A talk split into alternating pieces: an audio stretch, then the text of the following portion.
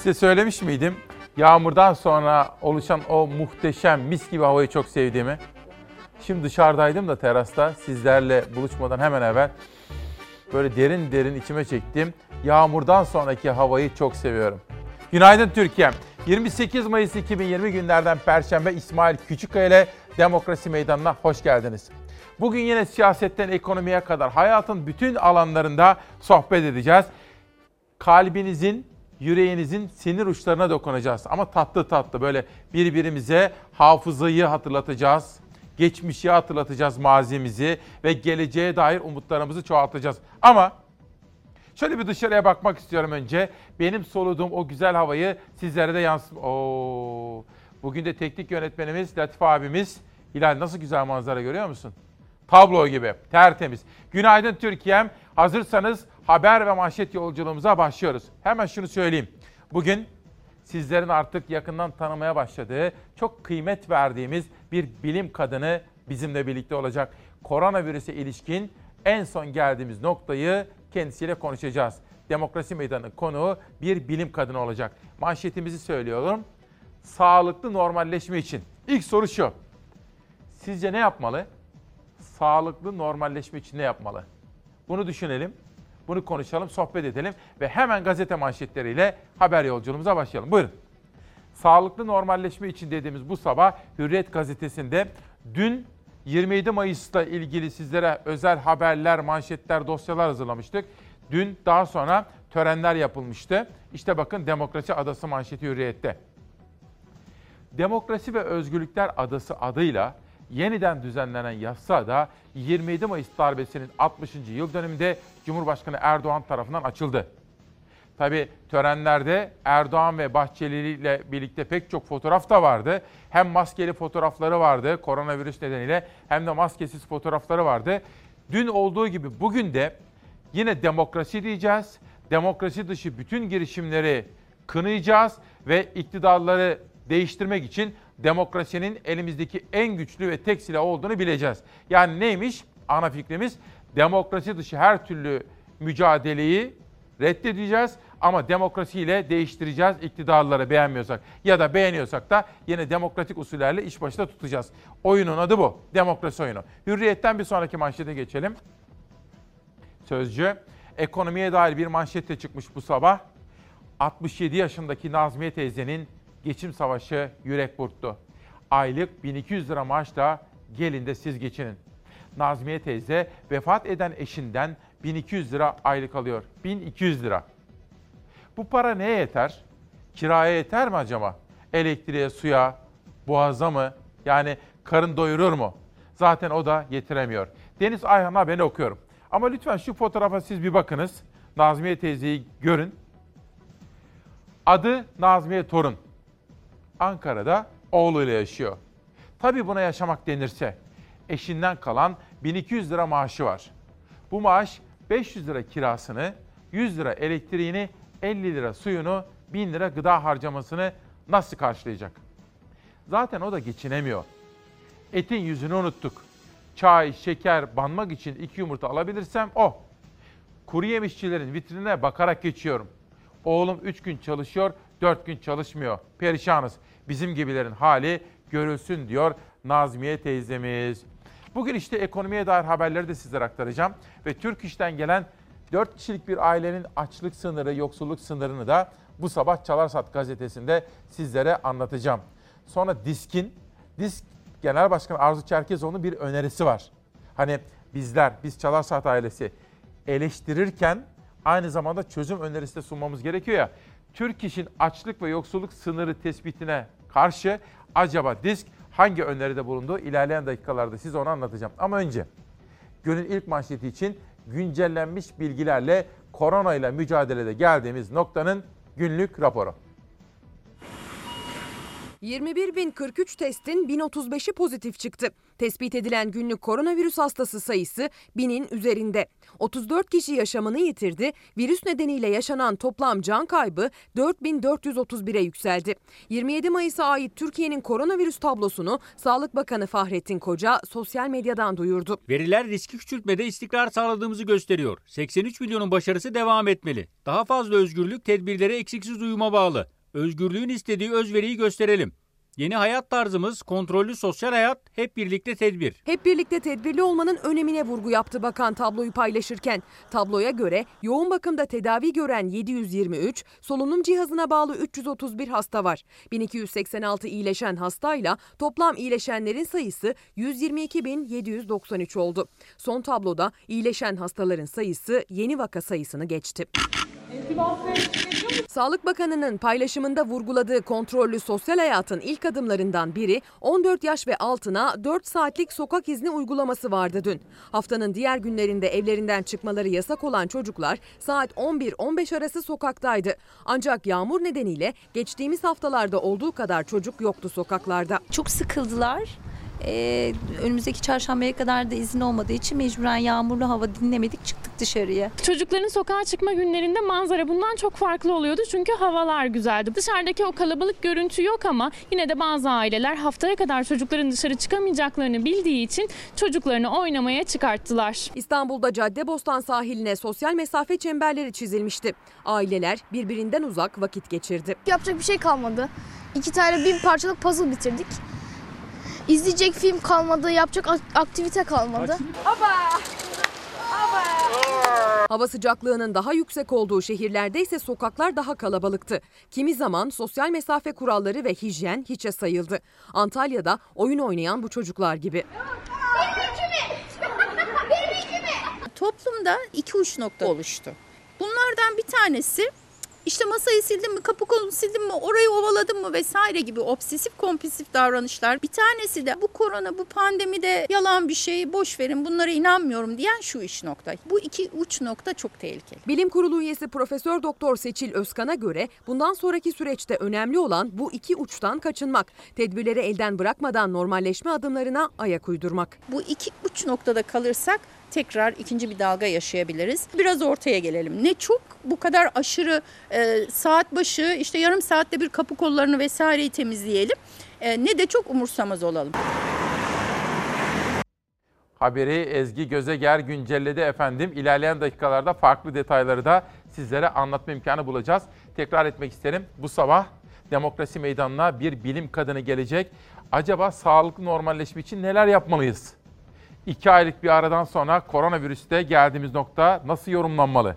Almamız gereken tedbirler onları da hocamızla ilerleyen dakikalarda konuşacağız. Bu arada bugün Bakanlar Kurulu toplanacak Cumhurbaşkanı hükümet sisteminde ve başta seyahat kısıtlamaları olmak üzere normalleşme adımlarına dair önemli açıklamalar gelecek bugün. İlerleyen dakikalarda konuşacağız. Ama uyanan siz Çalarsat ailesine şöyle bir selam verelim. Mehmet Püsküller, sağlıklı normalleşme için önce devlet büyüklerinin vatandaşa örnek olması lazım derken Tuğba Yağız dışarıda hala maskesiz gezenler var. O nedenle sürecin uzadığını düşünüyorum diyor. Herkesi bilinçli ve duyarlı davranmaya davet ediyor Tuğba Hanım. Sözcüden bir haber daha sonra sabah. Küslerin bile barıştığı bayramda yine ayrımcılık yaptılar. Biz bize bayramlaşma. Gölcük Kaymakamlığı önünde yapılan bayramlaşmaya sadece AKP'liler çağrıldı. Muhalefet partileri bayramlaşmaya davet edilmedi. Birlik beraberlik ruhu unutuldu. Bayramlaşmaya AKP'li belediye başkanı, ilçe başkanı, AKP'li milletvekili ve kadın kolları başkanı katıldı. Çağrılmayan muhalefet tepkili. CHP ilçe başkanı Fikret Gürel, böyle olağanüstü durumlarda birlik ve beraberlik olmamız gerekirken yaşanan bu durum hiç yakışmadı dedi. Bütün bu gelişmeleri İyi Parti'nin etkili ismi Lütfü Türkkan şöyle yorumluyor. Bunlar devleti iyice parti devleti haline getirdiler diyor Lütfü Türkkan. Böylece Sözcü'den Sabah gazetesine geçiyorum.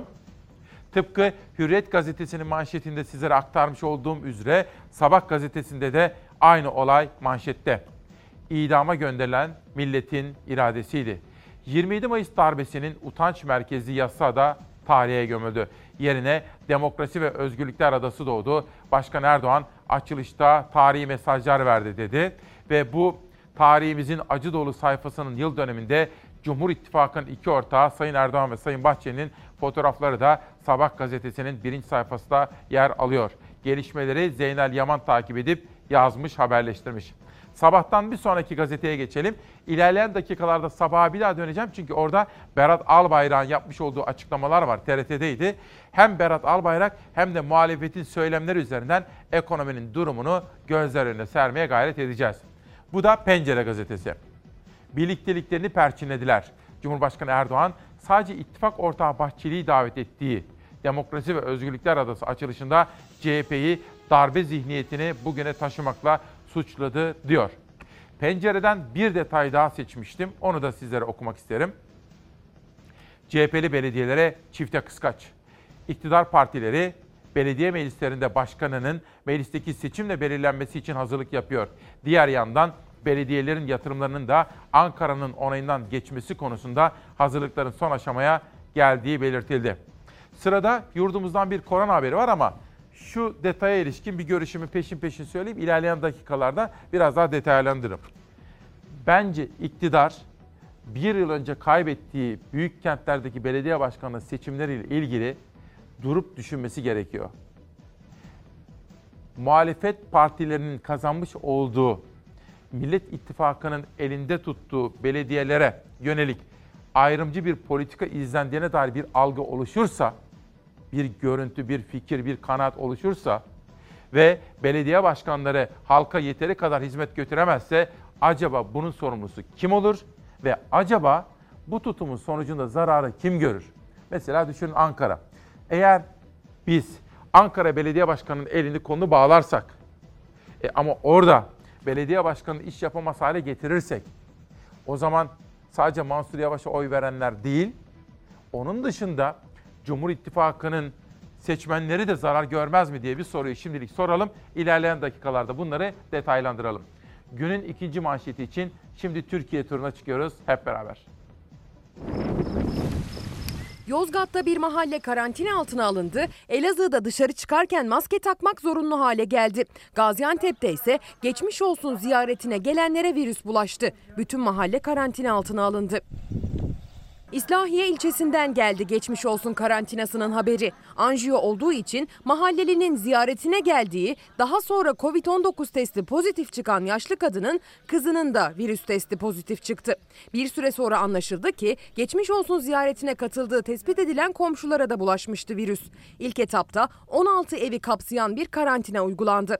Ancak karantinanın kapsamı genişletildi. 1200 nüfuslu Kozdere mahallesinin tamamında karantina kararı alındı. Olunur. Yozgat'ın Derbent köyünde de giriş çıkışlar yasaklandı. 13 Mayıs'ta Ankara'dan köyün Çıradere mahallesine gelen iki vatandaş da koronavirüs tespit edilince mahallenin tamamına giriş çıkış yasağı geldi. İkinci bir emre kadar sokağa çıkmak da yasak.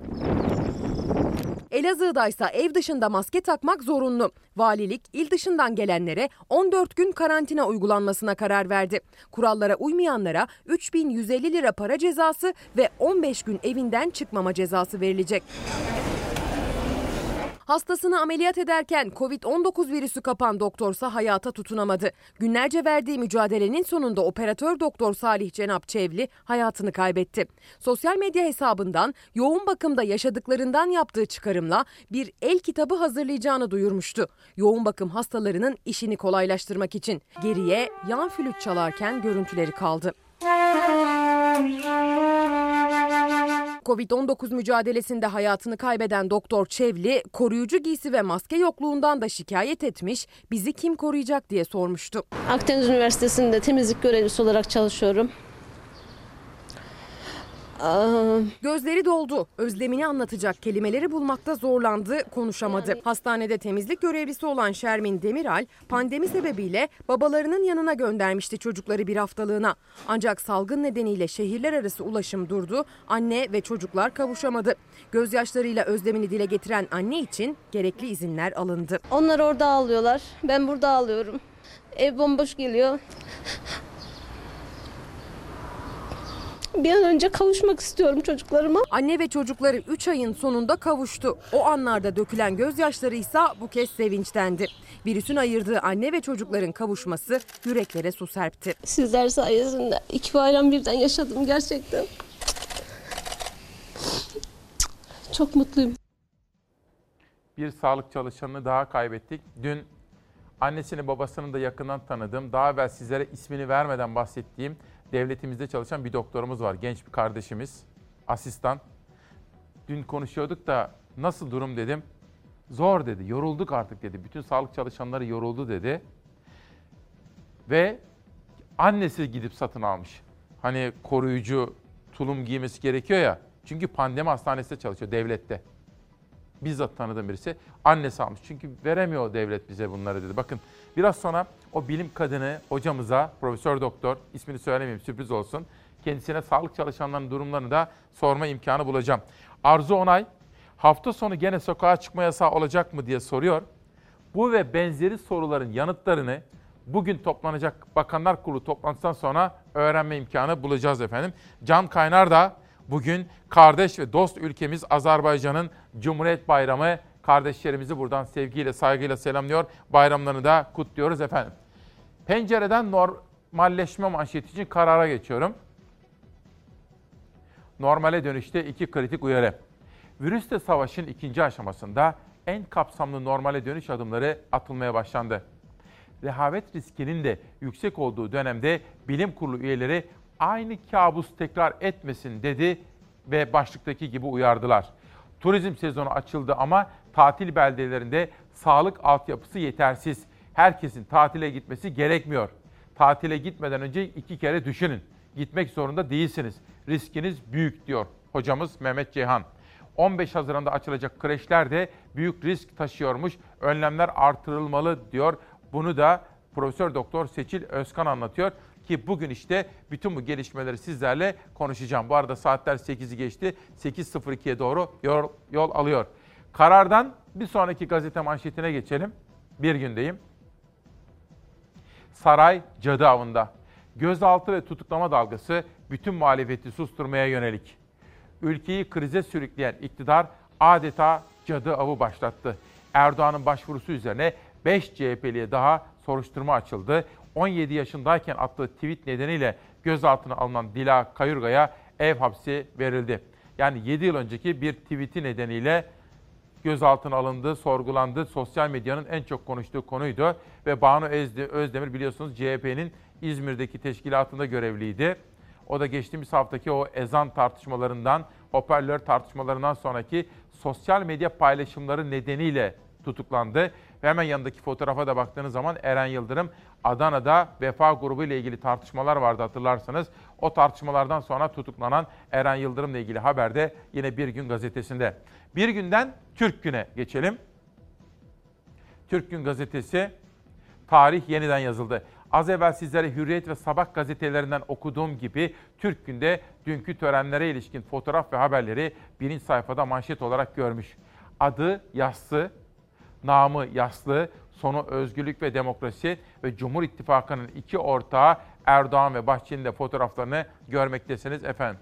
Bir de az evvel yurdumuza bakmıştık. Sırada Beyza Gözeyik tarafından en son bilgilerle güncellenen dünyadaki koronavirüse ilişkin gelişmeler 27 Mayıs'tan 28 Mayıs'a nasıl yansıdı? İşte onun raporu. Brezilya'da günlük ölüm sayısı binli rakamlarla ifade edilmeye başlandı. Amerika Birleşik Devletleri'nde can kaybı 102 bini geçti. Okulların yeniden açıldığı Güney Kore'de son 50 günün en yüksek vaka artışı yaşandı. Dünyada 360 bine yakın kişinin hayatını kaybettiği Covid-19'a karşı aşı bulma çabaları hız kazandı. Avustralya'da geliştirilen ve bağışıklığı güçlendirmeye hedefleyen aşı yeni umut oldu. Dünya Sağlık Örgütü şu ana kadar 10 farklı korona aşısının insanlar üzerinde denendiğini duyurdu.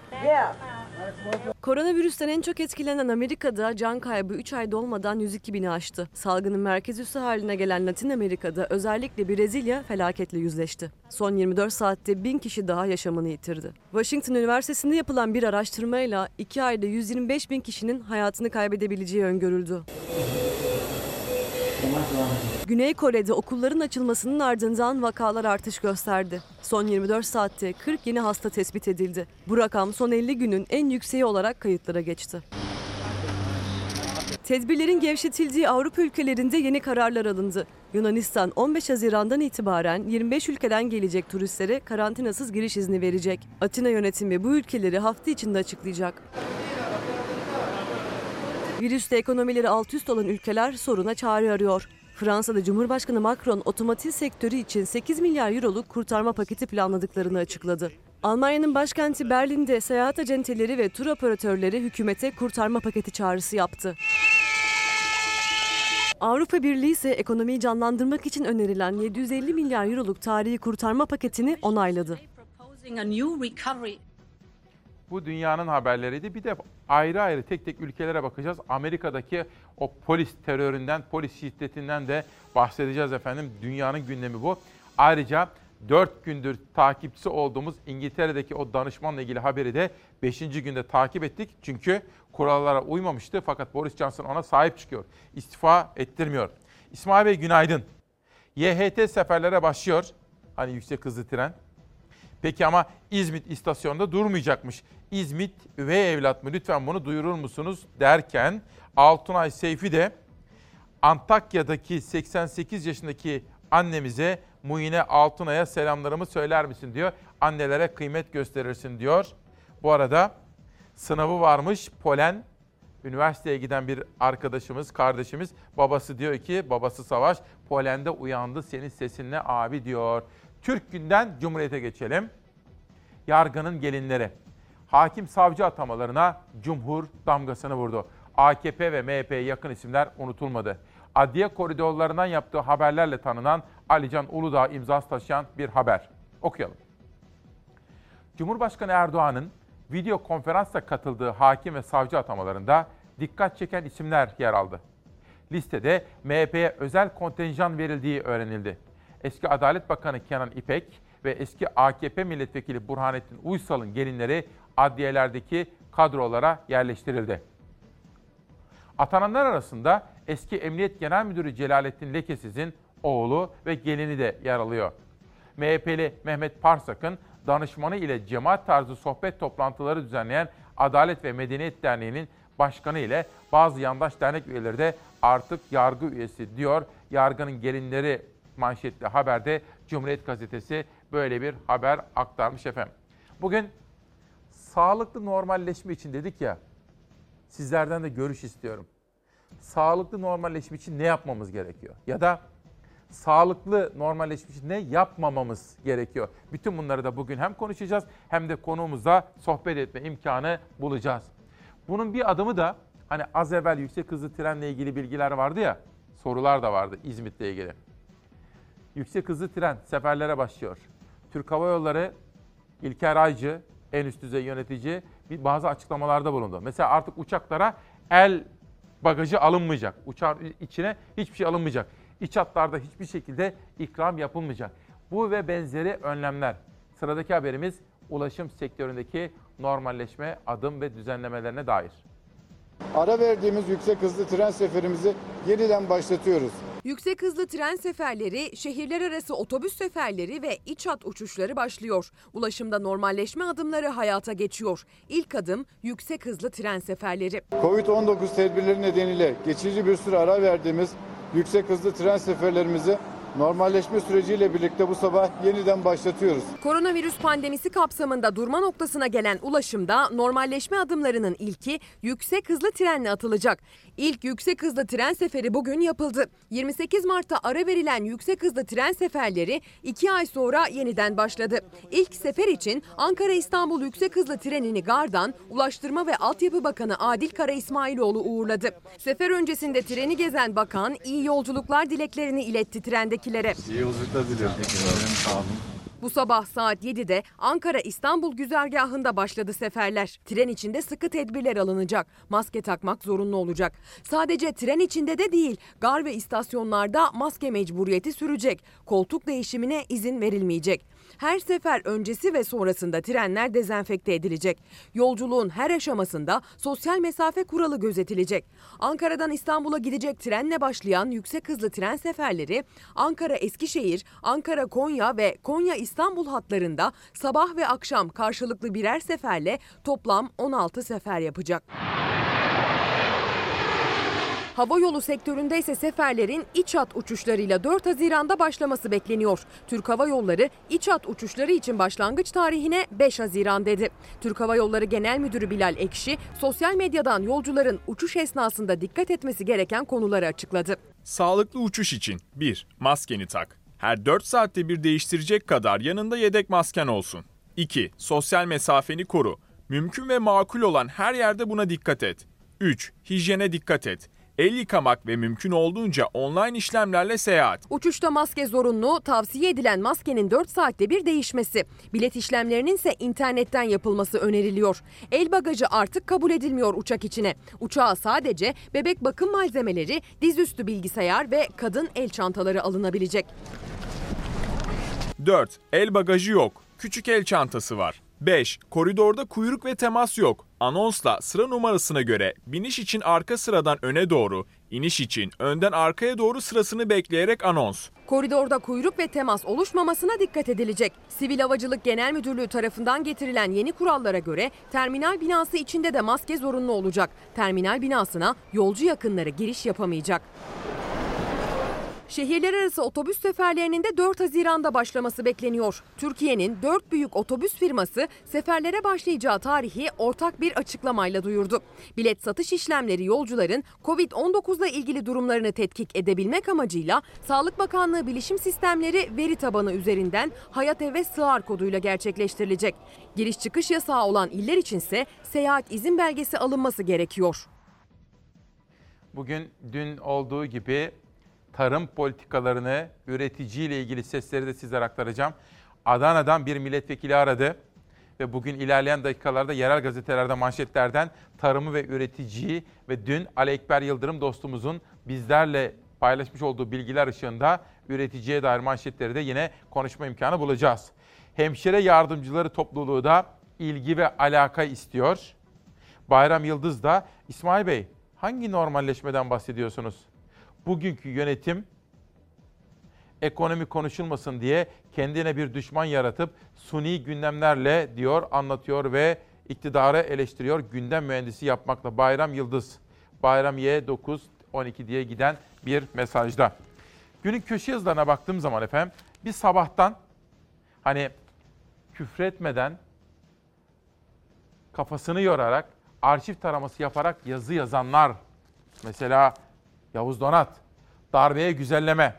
Şimdi üşenmemiş Yavuz abimiz ve 27 Mayıs'tan hemen sonra kimlerin neler yazıp da darbeye yönelik güzellemeler yaptığına dair haberler yazmış efendim. Çok çarpıcı. Hangi köşe yazarları, hangi siyasiler neler neler var. Bir başka köşe yazısında Barış Terkoğlu, o biliyorsunuz tutuklu. O da geçtiğimiz günlerde istifa etmek durumunda kalan, tabii görevden, yani daha doğrusu nasıl diyeyim, yapmakta olduğu görevden alınmış ve Genelkurmay emrine verilmişti. Cihat Yaycı, Barış Terkoğlu cezaevinden yazıp avukatları aracılığıyla gazetesine yolladığı yazısında Hulusi Akar ve Yağcı arasındaki çekişmeleri çok farklı olaylar üzerinden analiz yapıyor ve ikisinin farklı dünyalara sahip olduğunu söylüyor. Sonuçta Cumhurbaşkanı Erdoğan'a daha yakın olan Akar'ın kazandığını ve Yağcı'yı tasfiye ettiğini söylüyor efendim. Çok ilgi çekici yazılardan ikisi. Bugün 7 köşe yazarından alıntılar yapacağım sizlere. Bir de ekonomi. Çalar Saat gazetesi sağlıklı normalleşme için. Bakın bugün dedik ki ekonomiyi konuşalım. Halkın, vatandaşın, esnafın, köylünün ekonomisine. Koronavirüs salgını tezgahlara, market raflarına, oradan da rakamlara yansıdı. 4 kişilik bir ailenin açlık sınırı 2438 lira. 4 kişilik bir ailenin yoksulluk sınırı 7942 lira. Tabii biz bugün İsmail Küçükkaya Demokrasi Meydanı buluşmasında bütün bu konuları sizlere anlatacağız. Hani devletin enflasyonu kaç, vatandaşın enflasyonu kaç, çarşıdan pazardan rakamları da sizlerle paylaşacağız. Ama sizlere söylemek istediğim konu şu. Şimdi sizler kendiniz bir hesaplama yapın efendim. Evde kaç kişisiniz? Diyelim 4 kişisiniz. Eğer 4 kişiyseniz evde ve ayda elinize evinize 2438 liranın altında geliyorsa açlık sınırının altındasınız. Diyelim evde 4 kişisiniz ve 7942 liraya kadar geliyorsa yoksulluk sınırı içinde kalıyorsunuz demek. Yani hesaplamaları siz böyle yapın. Aslında şudur. 4 kişilik bir ailenin eline 8 bin lira geçerse yoksul değil tanımlaması yapılabilir efendim. Bugün bunları da konuşacağız. Ama önce Türkiye'mize bir başsağlığı dilemek isterim. Türkiye'm başınız sağ olsun. Şehidimiz var. İdlib'te Mehmetçiğin devriye görevi sırasında patlama yaşandı. Patlamada piyade teğmen Canberk Tatar yaralandı. Kahraman asker kaldırıldığı hastanede şehit düştü. Suriye'nin İdlib kentinde güvenliği sağlamak için görev başındaydı Mehmetçik. Yol kontrol devriyesi yapıyordu. O sırada nedeni henüz tespit edilemeyen bir patlama yaşandı. Patlamada piyade teğmen Canberk Tatar yaralandı. Teğmen Tatar hemen hastaneye kaldırıldı, tedavi altına alındı. Ancak yapılan tüm müdahalelere rağmen kurtarılamadı, şehit oldu. Teğmen Canberk Tatar'ın acı haberi Elazığ'a kor gibi düştü. Cip köyünde bulunan baba evine ulaştı şehadet haberi. Şehidin baba evine Türk bayrakları asıldı. Şehit Teğmen Canberk Tatar bugün memleketi Elazığ'da son yolculuğuna uğurlanacak. İşte bugün bir eve ateş düştü, o şehit oldu. Ailesine sabır diliyorum. Ölümler de var tabii hayatın içinde. Dün İlkay Sezer abimle konuştuk uzun uzun.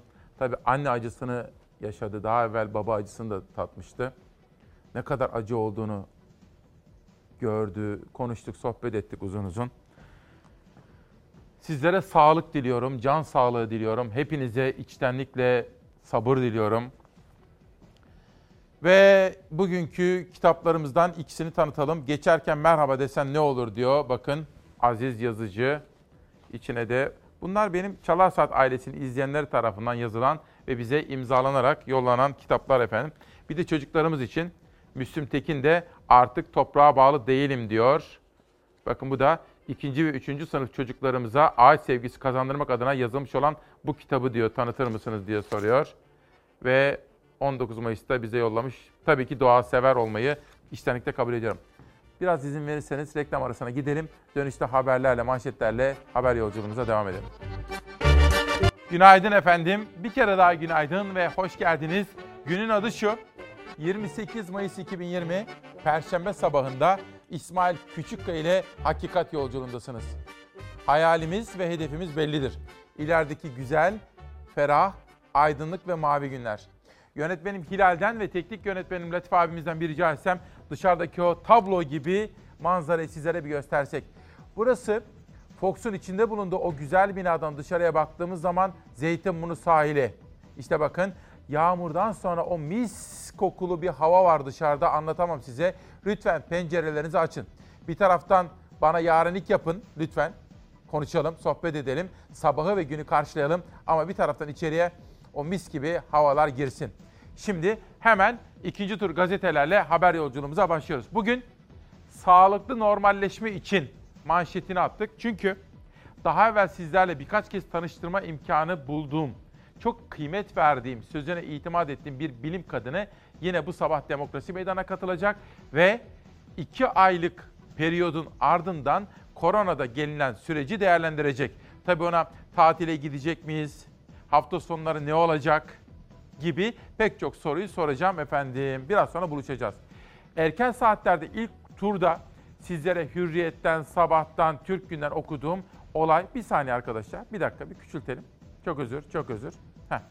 İlk turda sizlere çok farklı gazetelerden okuduğum manşet. Burada da yine bakın şöyle demokrasi feneri sönmeyecek haberiyle karşımızda.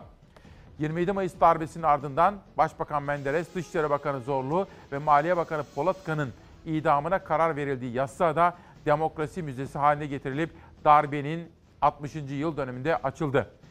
Ben sizlere 8 kuşağında Yavuz Donat'ın yazısı üzerinden bir alıntı yapmıştım.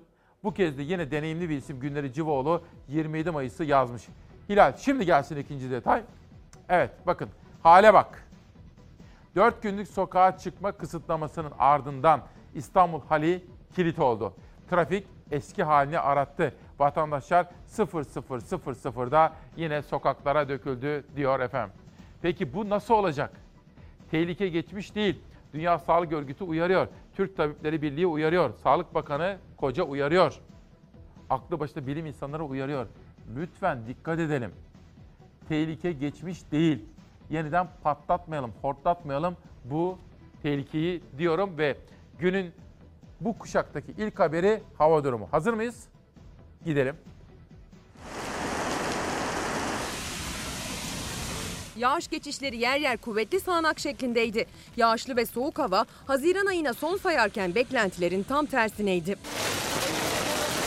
Bugün yurdun batı ve kuzey kesimlerinde gök gürültülü sağanak yağış devam edecek. Aralıklarla etkili olacak yağışlar yine yer yer kuvvetli sağanak şeklinde görülecek. Ege bölgesinde öğleden sonra yağış ihtimali düşüyor. Karadeniz'de ise yağışlar öğleden sonra etkili olmaya başlayacak. Akdeniz bölgesinin batısında kuvvetli sağanak yağış geçişi bekleniyor. Antalya, Isparta ve Burdur çevrelerinde kısa süreli kuvvetli sağanak görülebilir. Antalya ile Batı Akdeniz'deki göller yöresinde kuvvetli sağanak ihtimali Perşembeden Cuma'ya geçtiğimiz gecede sürecek. Sıcaklıklarsa Perşembeden Cuma'ya yurdun doğusunda ve Karadeniz'de düşüyor. Cuma günü yağışlı hava etki alanını genişletiyor. Cuma günü iç kesimlerde başkent Ankara çevrelerinde yağışlı hava etkili olacak. Karadeniz'de de yağış geçişleri devam edecek. Marmara bölgesinde de cuma günü hava kapalı ve yağışlı. Cuma akşam saatlerinde Marmara'da yağmur bulutları yerini açık bir gökyüzüne bırakacak. Yurt genelinde hava serin, doğudaysa sıcaklıklar cuma cumartesi hissedilir ölçüde düşecek. Hafta sonu hava nispeten açıyor. Marmara bölgesinde bulut geçişi var. Yer yer kısa süreli yağış bırakabilir bulutlar. Ancak cuma günüyle kıyaslandığında cumartesi ve pazar günlerinde hava daha açık. Yağmur ihtimali daha düşük olacak. Bulut geçişlerinin arasında güneş kendini gösterecek. Güneş görüldüğü ölçüde ısıtacak. Dışarıda gerçekten hoş bir hava var. Bizim biz İsmail Küçükkaya ile Çalarsat ailesinin temel özelliklerinden birisi. Vazgeçmediğimiz değerlerden birisi nedir efendim? Vefa. Vefa göstereceğiz. Vefalı bir aile olacağız. Bakın sizlere sıklıkla bahsettiğim çok kıymetli bir hocamız Alaaddin Yavaşça. Ayten Hanım bana içinde de bir mektubu var. Çok zarif bir kadın zaten ve eşine de böyle bebekler gibi bakan fedakar, aşık bir kadın. Ayten Yavaşça'nın kitabı hikayeleriyle Alaaddin Yavaşça besteleri kendilerine çok teşekkür ediyorum. Sağlıklar diliyorum efendim onlara. Çok teşekkür ediyorum. Ve milliyetten geçelim pencereye. 7 yıl önceki tweet yüzünden gözaltı.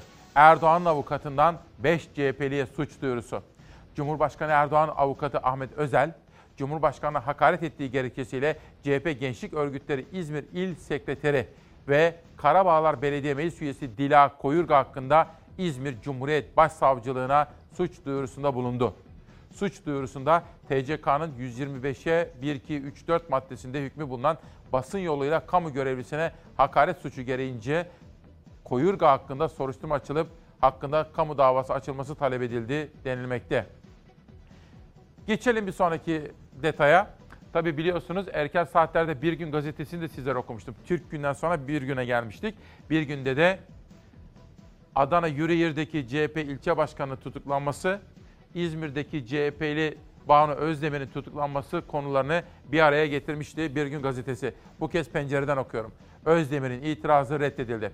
CHP'nin eski İzmir İl Başkan Yardımcısı Banu Özdemir'in cami hoparlörlerinden Çavbella Marşı çalınmasına ilişkin sosyal medya paylaşımı nedeniyle tutuklanmıştı. Özdemir'in tutukluluğuna yapılan itiraz reddedildi. En ilginç gerekçe diyor Pencere gazetesi bakalım neymiş.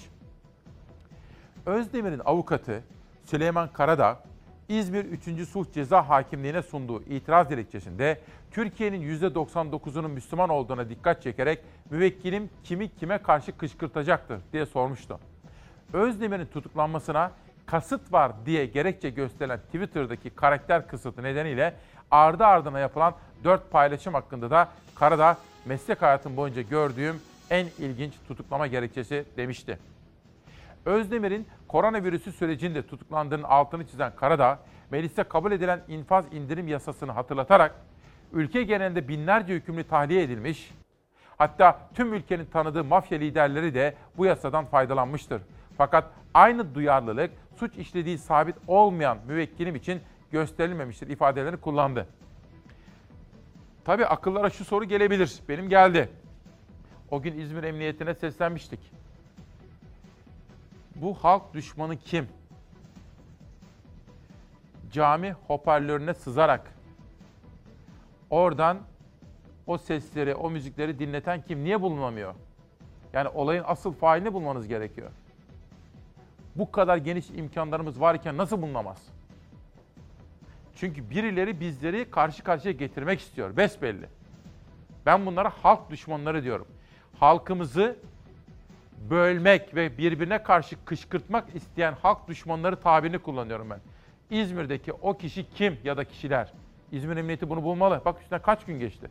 Ama paylaşım yapanları tutukluyor. O kolay. Twitter'da. Kolay. Asıl önemli o halk düşmanları kim?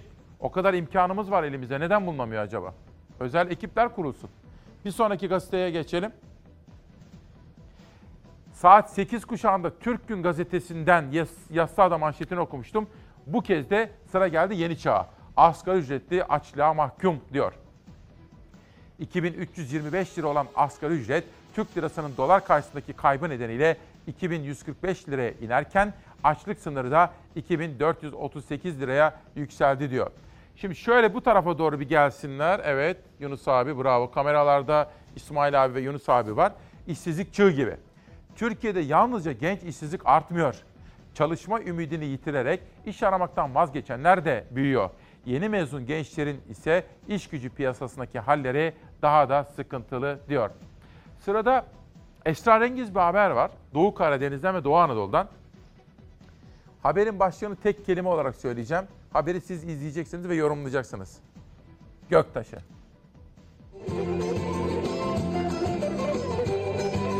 Artvin Maden'de meteor patlamasını kamera görüntüsüyle aldık. Evet şu anda meteor düşüyor. Evet. Tam şu e, karşıda bir ışık topu gibi bir şey gördük.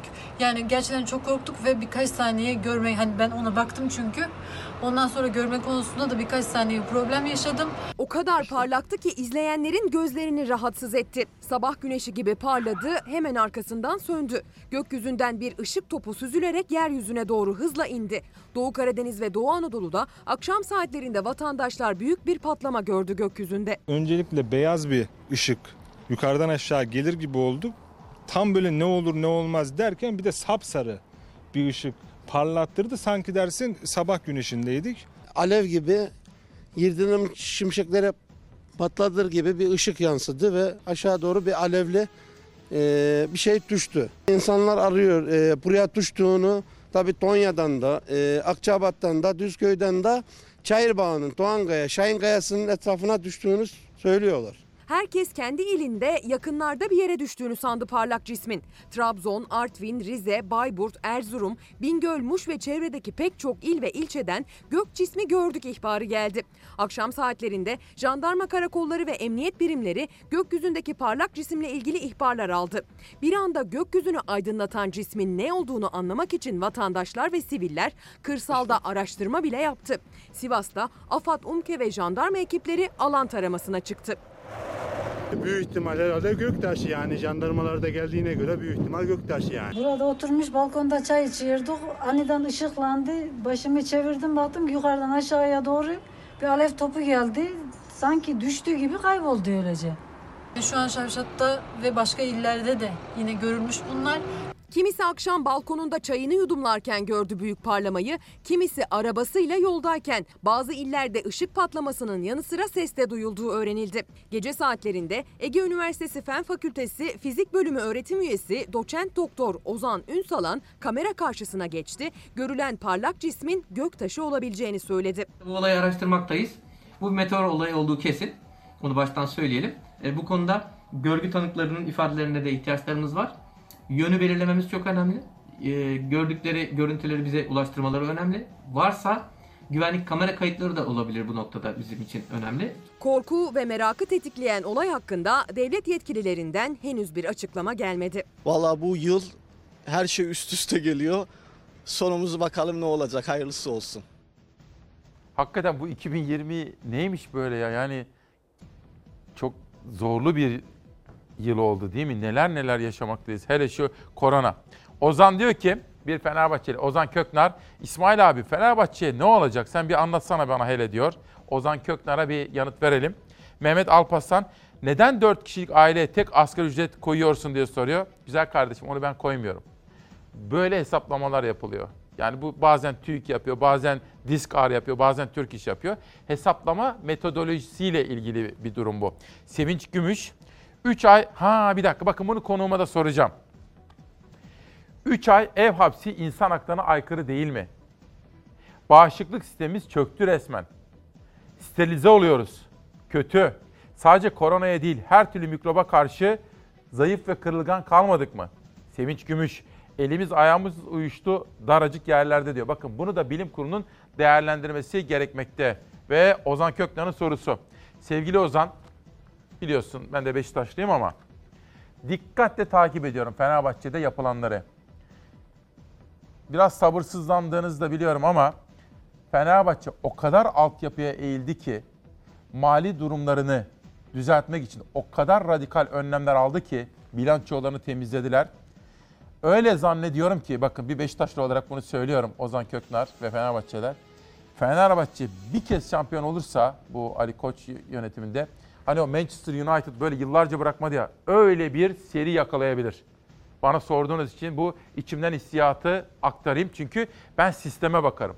Ali Koç başkanlığı döneminde bir sistem değişikliğine gidiyor orada. Bir kere yakalarsa şampiyonluğu adeta Manchester United gibi olabilir. Dediniz izleyip göreceğiz. Sağlıklı normalleşme için sıra geldi yerel gazetelere. Acaba Türkiye'nin turunda neler var? Efendim bu arada yine bu koronavirüs zamanında sizlerle beni buluşturan bu haber yolculuğumuzda bizi bir araya getiren ekip arkadaşlarıma da teşekkür etmem gerekir. Zeray Kınacı, Zafer Söken, Ezgi Gözeger, Beyza Gözeyik haber yaptık. Onlar haberci arkadaşlarım. Bugün Latif abiyle Hilal yönetmen, Hilal yönetmen koltuğunda. Savaş Yıldız biraz sonra ondan koltuğu alacak. Devir teslim yapılacak. Ve aynı zamanda yerel gazeteleri Savaş Yıldız'la seçtik. Onu da söyleyelim. Dış medyayı da Zafer Söken'le seçtik. Gündem çalışmamı da Nihal Kemaloğlu ile yaptım. Dün uzun uzun çalıştık ve işte sizlere bugünkü bu buluşmayı sağlamaya çalışıyoruz. Ve tabii ki kardeşim, arkadaşım, genel yayın yönetmenim Doğan Şentürk yönetimindeki Fox Haber'in gücüyle yanınızdayız. Anadolu'ya tercüman. Önce Çankırı. Cemaat Cuma günü buluşuyor. Ha bunun haberi de hazırdı Zeray. Hazırsa bana söyleyin. Salgın hastalık tedbirleri kapsamında bir süredir cemaatle ibadet yapılamayan camiler kademeli olarak ibadete açılıyor. 29 Mayıs 2020'de cemaat cuma namazı ile camilerde buluşuyor. Evet arkadaşlar beni uyarıyorlar. Haberler hazırmış. Bakalım detayında neler varmış.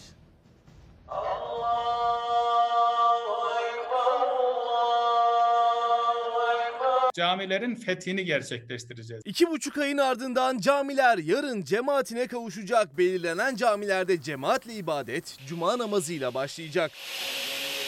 Koronavirüs salgını nedeniyle Mart ayında camiler cemaatle ibadete kapatıldı. Virüsün yayılmasının önüne geçildi. Bu kararı alırken çok zorlandık. Salgının kontrol altına alınmaya başlamasıyla normalleşme takviminde yer aldı camilerin cemaatle ibadete açılması ve tarih belli oldu. Yarın cuma namazıyla birlikte camilerin kademeli olarak ibadete açılması kararlaştırıldı. 29 Mayıs Cuma günü fethin e, sembolü olan o günde camilerin fethini gerçekleştireceğiz. Diyanet İşleri Başkanı Ali Erbaş camilerin yeniden ibadete açılacağı tarihin İstanbul'un fethiyle aynı güne denk geldiğini hatırlattı. Camileri fethedeceğiz dedi. Camilerin fethini gerçekleştireceğiz. Karar sonrası cemaatle ibadete açılacak olan camilerde dezenfekte çalışmaları başladı. Sultanahmet Camii ve Selimiye Camii onlardan ikisiydi.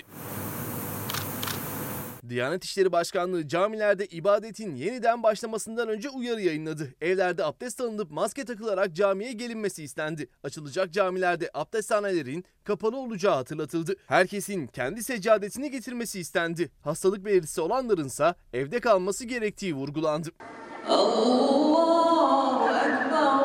Diyanet İşleri Başkanı Ali Erbaş ise yarın İstanbul'da Sultanahmet Camii'nde cuma namazını kıldıracak. Cemaat namazı Sultanahmet Meydanı'nda kılacak. Sultanahmet ile o Ayasofya arasında bir yer düşünüyoruz.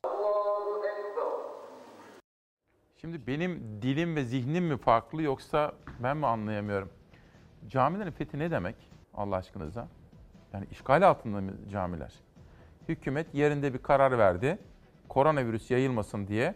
O nedenle bazı düzenlemelere gidildi. Şimdi de kontrollü bir şekilde bilim kurulunun tavsiyelerine de uyarak hükümet siyasi kararlarda vererek bunları normalleştiriyor adım adım. Kimi nereden fethedeceğiz? Camiler zaten bizim güzel yurdumuzda değil mi? Bizim yurdumuz işgal altında mı? Camilerimiz işgal altında mı? Camileri fethedeceğiz diyor. Nasıl? Ne demek bu? Yani insanın biraz diline dikkat etmesi gerekmez mi ya? Heidegger öyle söyler bakın felsefe. Burada felsefe yapacak değilim ama. Dil varlığın evidir. Yani kişinin evi sayılır, yuvası sayılır dil. Camileri fethedeceğiz. Ben yadırgıyorum. Diyarbakır'a geldik Çankırı'dan sonra. Diyarbakır'ın fethinin 1381. yıl dönümü. Bakın burada uyar bu kelime. Neden? Okuyalım. Diyarbakır'ın İslam orduları tarafından fethedilmesinin 1381. yıl dönümü münasebetiyle İçkale'de aralarında Hazreti Halid bin Velid'in oğlu Hazreti Süleyman ile 27 şehit sahabenin metfun bulunduğu, metfun bulunduğu Hazreti Süleyman Camii'nde tören düzenlendi diyor. Düzenlenen törene Diyarbakır Valisi, Büyükşehir Belediye Başkanı, ve bunların dışında milletvekilleri de katılmış, jandarma komutanı da katılmış efendim. Diyarbakır'dan Kadın Gazetesi'ne geçiyorum. Bu kez Akdeniz'de, Mersin'deyim. Şiddet artıyor. Çocuklar ve kadınlar şikayet mekanizmalarına ulaşamıyor. Şiddet artıyor diyor. Özellikle koronavirüs zamanında meydana gelen gelişmeler. Dün müydü, önceki gün müydü neydi? Canan Güllü hocamla konuşurken bu konuya da dikkat çekti. Herkes evlere kapandı ama dedi bazı rakamlar kaygı verici hale yükseldi İsmail kardeşim dedi. Türk Kadın Dernekleri Federasyon Başkanı Canan Güllü hocamız. Geçelim Ardahan'a. En doğudayız. Zarar ziyan tespiti yapıldı 23 Şubat. Ardahan Valisi Mustafa Masatlı dün etkili olan fırtınada 152 binanın hasar gördüğünü bildirdi. Sür manşeti çıktığım zaman besicilikle ilgilenenler için bir manşet görüyorum. Meralar artık paralı. Büyükbaş 10 lira, küçükbaş 2 lira 25 kuruş diyor. İzmir'e geçelim. Bu kez batıdayız, Ege'deyiz. Yeni Gün Gazetesi çiftçi endişeli. Koronavirüs salgını sırasında yapılan bir tarımsal araştırma çiftçilerin hasat ve satış döneminde alıcı bulamamak, fiyatların düşmesi, mevsimlik işçi sıkıntısı gibi konularda endişeleri olduğunu gözler önüne seriyor. Bu arada hemen manşetin altına doğru indiğimiz zaman lokantacılar müjde bekliyor haberini görüyorum. Lokantacı esnafı dükkanını açmak için bugün yapılacak Cumhurbaşkanı kabine toplantısından müjdeli haberi bekliyormuş efendim. Adana'ya geçiyorum. 5 Ocak gazetesi fikri takip yapıyor. Dün olduğu gibi bu sabahta üreticiye dair haberlerle okurların karşısında. Çukurovalı üretici darda gözler bakanlıkta. Vali Mahmut Demirtaş hassasiyet gösterdi. Hemen üretim alanlarını inceledi diyor. Tabi sayfanın içerisinde dün okumuştuk. İşte bakın burada bizim Küçükkaya Çukurovalı üreticinin feryadını Türkiye'ye duyurdu diyor. Dün bu sizlerle buluşmadan sonra telefonum çaldı. Arayanlardan birisi de bir milletvekiliydi. Ben de milletvekiliyim dedi. Ben de dedi gittim üreticiyle dertlendim. Dedim ki biz üreticiyle kim dertlenirse onun sesini duyurmayı bir vazife biliyoruz. Adana Seyhan bölgesinde bir narenciye bahçesindeyiz. Gördüğünüz gibi mandalina, portakal, tüm narenciye daha oluşmadan küçücükken yerlerde şu anda. Geçen hafta müthiş bir sıcaklık, çöl sıcaklığı. 2-3 gündür de Poyraz maalesef hiçbir ağaçta ne çiçek bıraktı ne de küçük portakalları bıraktı. Büyük bir felaket yaşanıyor. Doğal felaket var şu anda. Sadece narenciye ile geçinen çok sayıda çiftçimiz var. Maalesef sıcaklık, kurak, rüzgar sigorta kapsamı içerisine alınmıyor. Şu anda çiftçinin hali perişan. Buradan çiftçiler adına hükümet yetkililerine tekrar sesleniyoruz. Çukurova bölgesinde narenciye üreticiler için doğal felaket ilanı lazım. Bu zararın karşılanması lazım. Çünkü çiftçi bu zararı karşılayamaz durumda. İlacı harcadığı para, e, burada yapılan bakım, işçi giderleri, elektrik, su giderleri seneye kaldığında bu çiftçi bu toprağı satmak durumunda kalacak. O nedenle ya sigorta tarafından bu zarar karşılanması gerekiyor ya da çiftçinin mevcut borçlarının ertelenmesi ya da silinmesi gerekiyor. Tarımla ilgili başka haberlerimiz de var. Hemen şimdi vereceğim birkaç dakika içinde. Bir de daha sonraki kuşakta da yine tarım ve üretici haberlerini sizlere sunmaya gayret edeceğim. Adana 5 Ocak'tan Kütahya Ekspres gazetesine geldik. Kütahyalı çiftçiler zirai don ile zarar gördü diyor. İşte meydana gelen gelişmeler sadece doğuda değil, Denizli'de değil, Kütahya'da her yerde çiftçiyi zorlamaya başladı. Ahmet Erbaş, MHP'li milletvekili çiftçilerimizin zararı acilen karşılanmalıdır derken AK Parti Kütahya Milletvekili İshak Güzel de çiftçilerimize geçmiş olsun diyor. Yine haberde Kütahya İl Tarım ve Orman Müdürü de konuşmuş. AK Parti Kütahya İl Başkanı da konuşmuş. Çiftçinin sesini duyurmaya gayret etmişler. Bir de Tokat'a geçelim. Kütahya'dan yaprak izni de verilsin. Bakalım neymiş. Koronavirüs sebebiyle birçok alanda kısıtlamaya gidilmesi yaşantımızı etkiliyor diyor. Ve bakanlık izniyle birçok bölgede tarım işçileri izni verilmesine rağmen Tokat için bu izin çıkmadı. Konuyu gündeme Zekeriya Yılmaz taşımış. Tokat Valiliği başta olmak üzere birçok yetkiliye Tokat yaprağı için toplama izni çıkarılsın talebi gelmiş. E haksız değiller. Tokat yaprağı içinde böyle bir izin aranıyor. Bir de kuzeye doğru gidelim bakalım. Ajans Sinop gazetesi, Sayın Bakanım balığın başkentine bunu mu reva gördünüz? Su ürünleri mühendislerinde hayal kırıklığı. Üç tarafı denizlerle çevrili Türkiye geneline 88 ama balığın başkenti Sinop'a sıfır kadro verildi deniliyor efendim gazetenin haberinde. Evet dün Ali Ekber Yıldırım'la da konuşmuştuk. Başkaca haber ve yorumlar, görüşler de var. Sıradaki haberimiz üreticiye dair.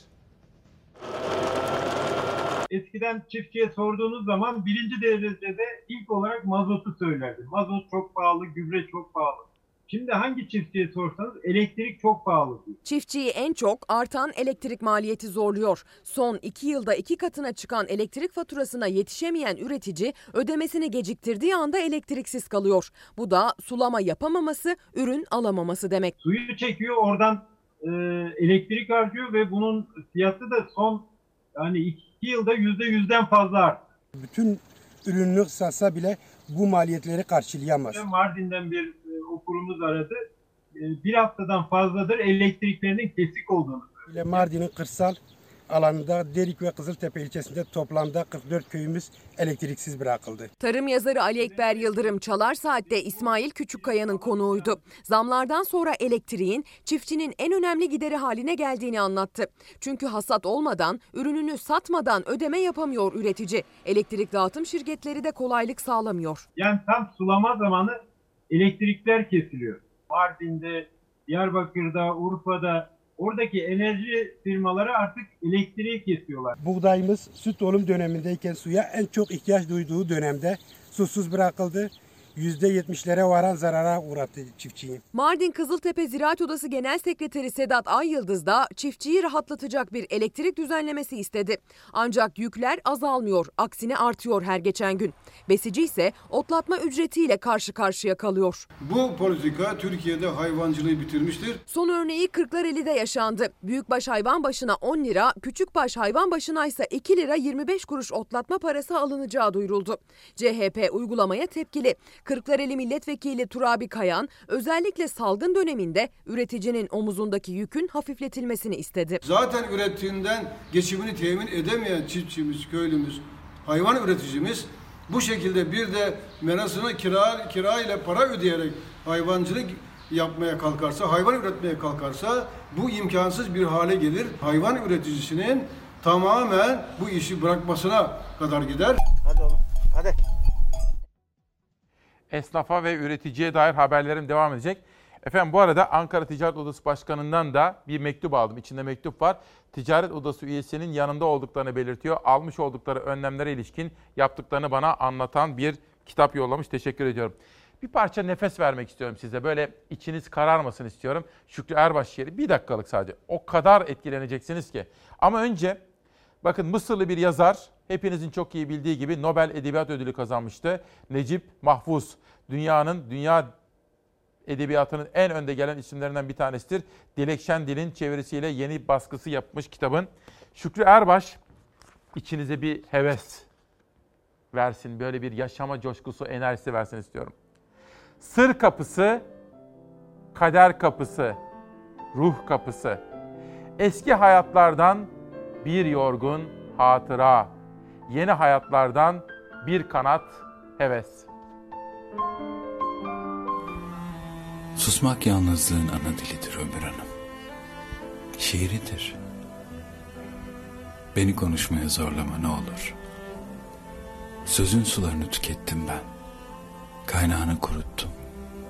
Geriye bir büyük sessizlik kaldı yüreğimde. Kalabalıklar, kalabalıklar kadar büyük. Yalnızım Ömür Hanım.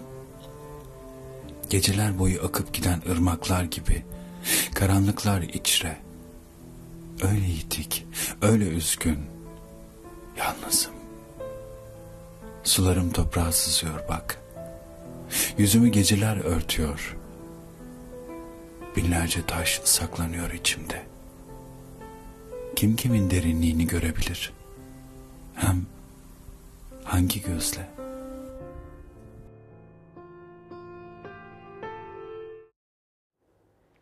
Şair Erbaş karısına çok sevdalıdır, çok sever, çok değer verir ve eşini, aşık olduğu kadını bu yalan dünyaya veda ettikten sonra unutturmaz. Ölüp giden eşine ölümsüzlük armağan eder bu dizeleriyle. Benim çok etkilendiğim bir şairdir ve çok etkilendiğim şiirlerdir Ömür Hanım. Sağlıklı normalleşme için sıra geldi dünyanın manşetlerine.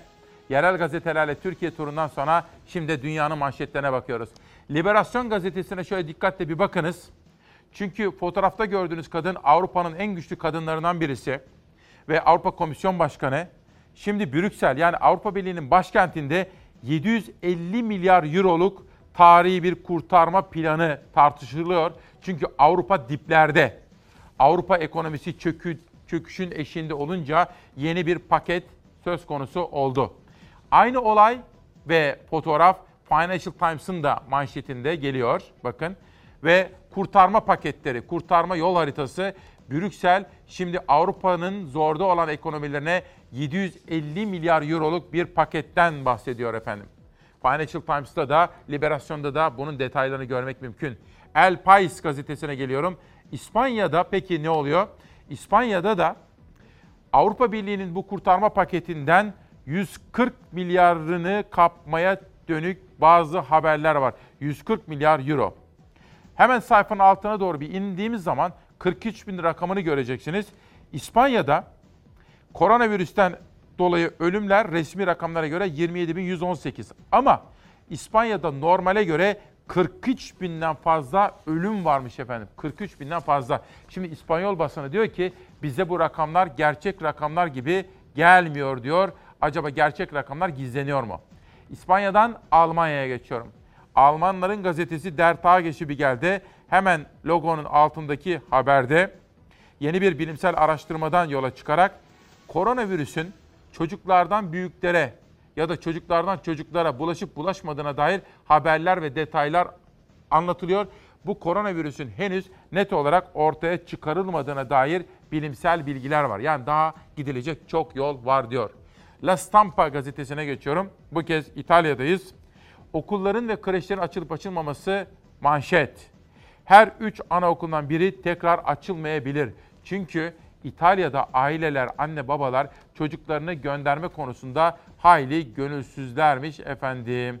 Independent'a geçtiğim zaman bugün 5. gündür İngiltere Başbakanı Boris Johnson'ın başı danışmanıyla dertte.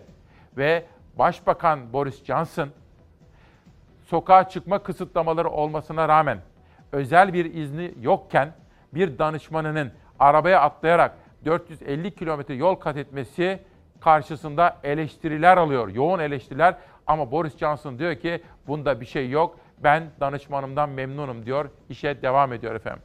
Dünya televizyonları Amerika'da bir polisin orantısız güç, insafsız güç, aşırı güç kullanımı ile ilgili bir haber ve bir ölümle çalkalanıyor.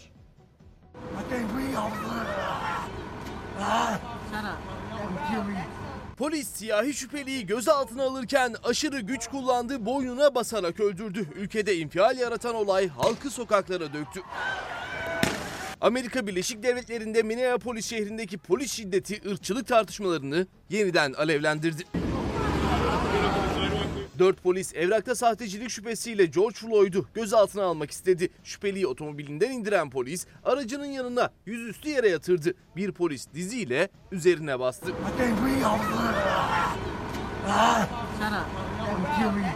5 dakika sonunda ambulans ve diğer polis ekipleri geldi. Uzun bir süre nefessiz kalan Floyd kaldırıldığı hastanede hayatını kaybetti. Görüntülerin yayınlanmasıyla birlikte binlerce kişi sokaklara döküldü. Polis araçlarına saldırdı. Halkın öfkesi birçok kenti sardı. Los Angeles'ta binlerce kişi sokaklara çıktı. Polisle karşı karşıya geldi. Göstericilere göz yaşartıcı gazla müdahale edildi. Oh boy, oh boy. We've got two, two CHP cruisers. Orantısız güç kullanan o dört polis görevinden alındı. FBI olayla ilgili soruşturma başlattı. Floyd'un ailesi de polislerin en ağır cezayı almasını istedi. Amerika Birleşik Devletleri Başkanı Donald Trump olay sonrası Adalet Bakanlığı ve FBI'ya soruşturmayı hızlandırın talimatı verdi. Trump sosyal medya mesajında George'un ailesi ve arkadaşlarının acısını paylaşıyorum. Adalet yerini bulacaktır dedi. A couple of bicycle officers as well at one point. Amerika'da yoğun gösterilerle karşılandı bu polis şiddeti. Sosyal medyanın gündemine de şöyle bakalım. Bu arada efendim sizlere bir bilgi vermek isterim. Profesör Doktor Özlem Azap hocamız, Türk Tabipleri Birliği Covid-19 İzleme Komitesi üyesi biliyorsunuz. İsmail Küçükkaya ile Çalar Saat'e katılacak biraz sonra. Daha evvel de birkaç kez kendisiyle konuşma imkanı bulmuştuk. Onun görüşlerinden çok etkilendiğinizi gelen yorumlardan biliyorum efendim. Ve geldiğimiz noktada Özlem Azap hocamız bizleri bilgilendirecek. Metin Gürcan, 27 Mayıs'ın 60. yılında en iyi askeri yönetim en kötü sivil yönetimden daha kötüdür. Darbe anayasa ve millet iradesinin gaspıdır. Bu nedenle büyük suçtur. Milletin istiklalini yine milletin azim ve kararı kurtaracaktır. Amasya Genelgesi 22 Haziran 1919. Koronavirüs Bilim Kurulu üyesi Profesör Seçil Özkan, her şey yolunda gittiği takdirde 11 Temmuz'dan sonra düğün organizasyonlarının yapılabileceğini söyledi. Ali Coşkun, Mardin Kızıltepe Derik'te oturuyoruz. Elektrik ve su 15 gündür kesik. Mısır tarlamız telef oldu. Susuzluktan mısırlar kurudu. Şu an sizi telefon, internet üzerinden seyrediyoruz. Lütfen bunu dile getirin diyor Mardin Kızıltepe Derik. Nehir Hanım, günaydın İsmail Bey. Lütfen haberlerde belirtin. Virüs daha bitmeden neden insanlar sokaklara salınıyor? Engeller kalkıyor. Endişe ediyoruz. Artık küçük çocuklarımız var. Kronik hastalığı olan büyüklerimiz var. Bilinçsizce insanları sokağa dökmek ne demek? Ya ölen ölsün, kalan sağlar bizimdir mantığı mı bu? diyor ve erken normalleşmeden ve kontrolsüz bir şekilde sosyalleşmeden duyduğu kaygıyı bizlere anlatıyor. Bir bilim insanı Çağhan Kızıl, şunları anlatmak zorunda kalmak çok garip. Sosyal medyadan aşı, ilaç bulunmaz. Hayır. Televizyonda bilimsel makale yorumlanmaz. Koltuklardan bilim yapılmaz. Bunların hepsi bilimsel yayınlarla akademik şekilde gerçekleştirilir. Gazetecilerin Lancet yayını değerlendirmesi nereden baksak absürt. Yani şunu söylüyor. Ya arkadaş her konuda uzman olabilir misiniz? Televizyonlarda bazı figürler var. Her konuda uzmanlar. Her konuda. Yorum yapamayacaklar hiçbir konu yok maşallah. Geçelim. Sol Haber. Fox TV'de yayınlanan İsmail Küçükkaya ile Çalar Saat programına katılan CHP Genel Başkanı Kılıçdaroğlu şimdi Ali Babacan ve Davutoğlu içinde kumpas kuruyorlar. Bu kumpası bozmak benim boynumun borcudur sözlerini sarf etti. Hepinizin çok iyi bildiği gibi bu sözler siyasetin gündemini belirledi. Ve ben de sizlere bir teşekkür etmek istiyorum efendim. 26 Mayıs Salı günü bütün bu reyting rakamlarına baktığımız zaman Türkiye'de saat bizim yayın yaptığımız saat diliminde açık her dört televizyondan birisi Çalar Saat ailesinden. Yani düşünsenize bütün Türkiye'yi düşünün. Açık dört televizyondan biri binlerce şükrediyorum ve sizlere Çalar Saat ailesine teşekkür ediyorum. Mustafa Varank, bunun haberi hazırlanıyor. Bittiği zaman sizlere sunacağım. Bu da benim önemsediğim bir çalışma. Çünkü bunun içinde işte Aselsan var, Baykar var, bunun içinde Arçelik var. Geçtiğimiz haftalarda Selçuk Bayraktar'la da konuşmuştum. Anlattı detaylarını. Solunu hazır mı Hilal? Hazırsa Hilal diyor ki hazır diyor. Selçuk Bayraktar da şöyle anlatmıştı. Anla, detaylar verdi isim isim. Bazılarından hayal kırıklığı da yaşamış. İsim vermiyor, detay veriyor ama. Ama diyor bu diyor İsmail Bey bu imece usulüyle Türkiye'nin özel sektöründen, Türkiye'nin devlet kurumlarından, Aselsan, özel sektör Arçelik, Baykar ve Türkiye'nin mühendislerinden imece usulüyle gecelerini gündüzlerine katarak yaptıkları ventilatör diyorlar ya solunum cihazı. Amerikalılar bile isyan ediyordu Amerikan valisi. Solunum cihazım yok diyordu. Türkiye bu meseleyi güç birliği yaparak çözdü. İlk deneme prototipi. Evet hayırlı olsun. Tamamı Türk mühendislerinin emeği ve alın teriyle yapılan yerli yoğun bakım solunum cihazı bütün testleri başarıyla geçti. Solunum cihazlarının üretimi konusundaki çalışmalarımız başarıyla neticelendi. Türk mühendisleri bizi odaya kapatın, üretimi bitirene kadar da çıkarmayın dedi. İşte gece gündüz süren üretim böyle başladı. O özveri ve tutku bugün Türkiye'yi dünya üzerinde önemli bir konuma getirdi. Binin üzerinde solunum cihazı ihraç edildi. Bu cihazlar e, dünyadaki muadillerine göre hem çok gelişmiş oldukları gibi hem de maliyet olarak çok çok daha ucuza mal olmuş oldu. Sağlık Bakanlığı'nın liderliğinde düğmeye basıldı. Türkiye'nin milli meselesi için Arçelik, Aselsan, Baykar ve Biyosis mühendisleri güç birliği yaptı. 120 mühendis kendini karantinaya aldı. Eşlerinden, çocuklarından, dostlarından uzak kaldılar. Bizlerin hepimizin e, çocuklarımıza, torunlarımıza inşallah bu kötü günleri geçtikten sonra anlatacağımız hayatımızdaki en önemli başarı öyküsü olacak. Türk mühendisleri koronavirüs salgınına karşı yerli solunum cihazı için Nisan ayının başında seri üretime geçti. Cihazın çalışır haldeki ilk görüntülerini Baykar'ın teknik müdürü Selçuk Bayraktar sosyal medya hesabında paylaştı. Seri üretimin ilk deneme prototipi. Evet hayırlı olsun. Elinize sağlık arkadaşlar. Rekor sürede üretilen yerli solunum cihazları Türkiye'nin ihtiyacını karşıladığı gibi ihtiyacı olan ülkelere bile yetişti.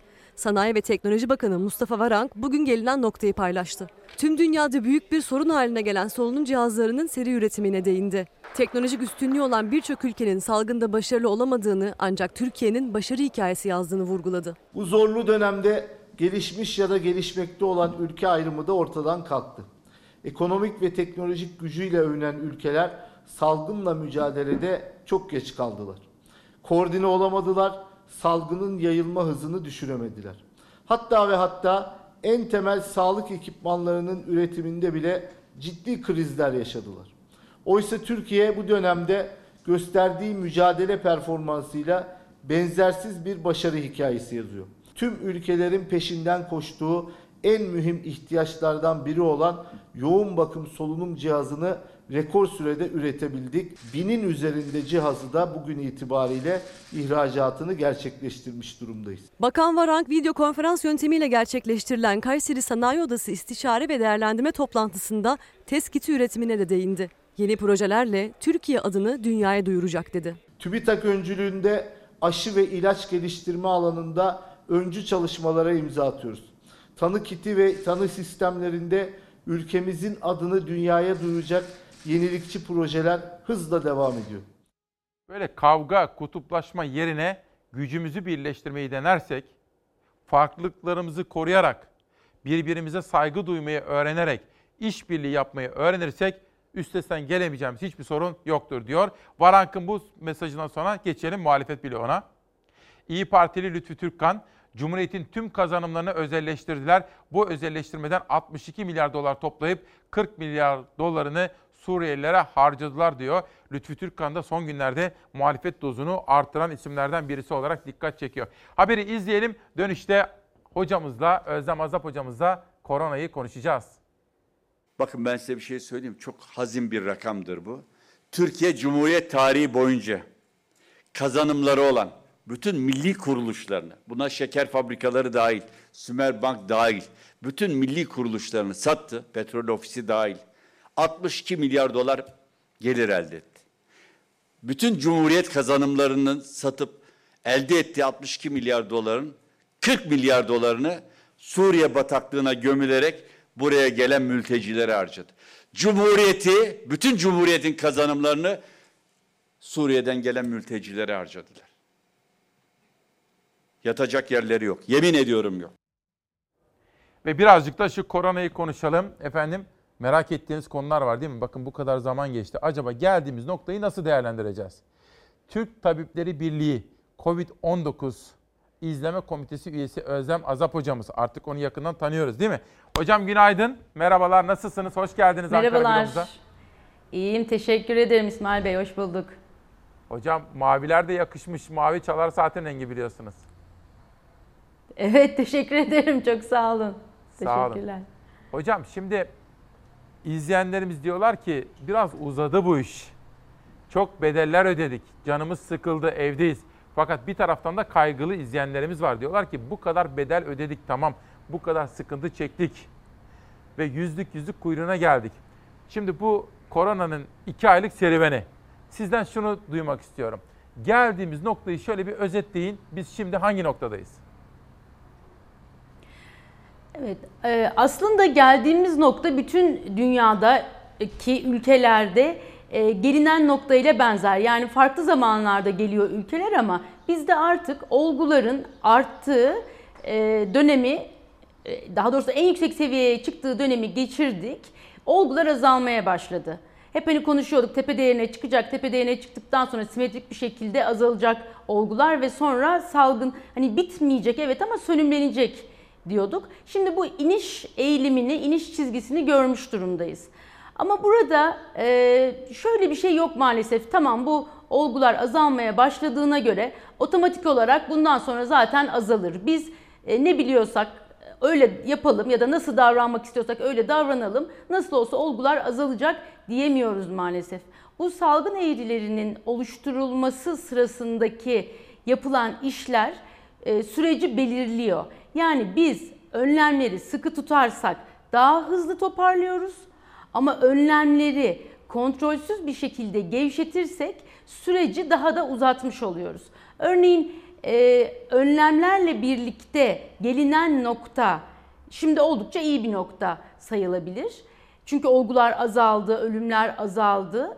Ama biz önlemleri e, bilimsel ölçütlere göre değil, farklı kriterlere göre gevşetirsek o zaman yine maalesef ki olgu sayılarında artışlar görebiliriz. Elbette bundan 2 hafta, 3 hafta önceki gibi, 1 ay önceki gibi olmaz ama istediğimiz hızda da azalmayabilir.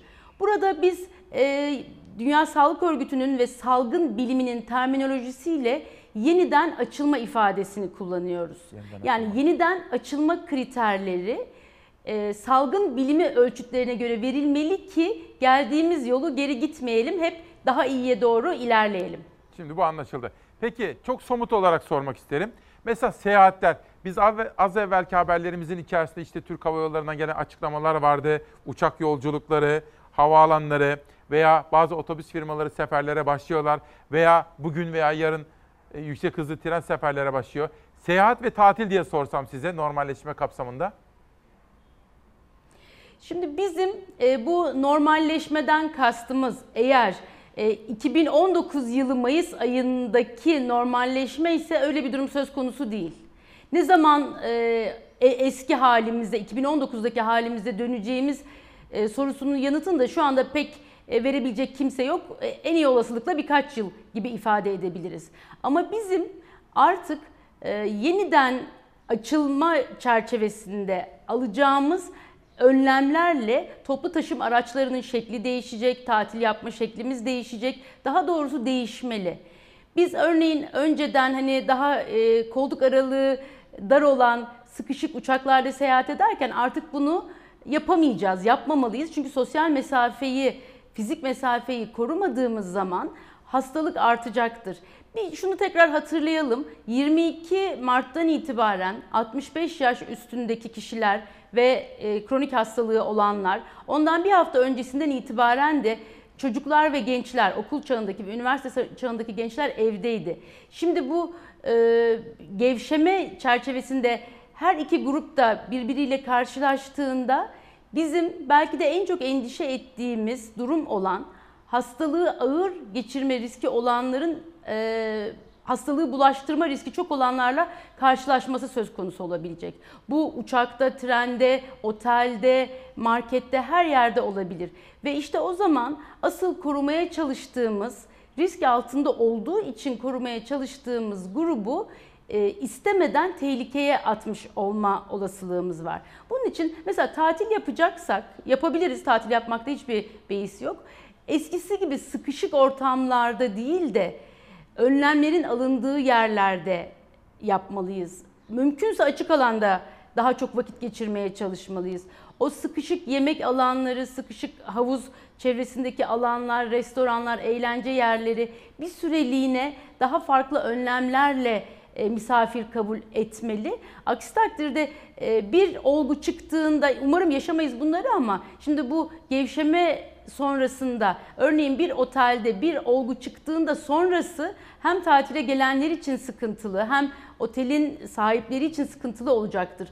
Biz aşamalı olarak önlemlerle ilerleyelim ki e, yaşadığımız sıkıntıların boyutu daha küçük olsun, kısa sürede çözülebilir olsun. Ha şöyle diyorsunuz. Mesela tatile gittiniz bir otele.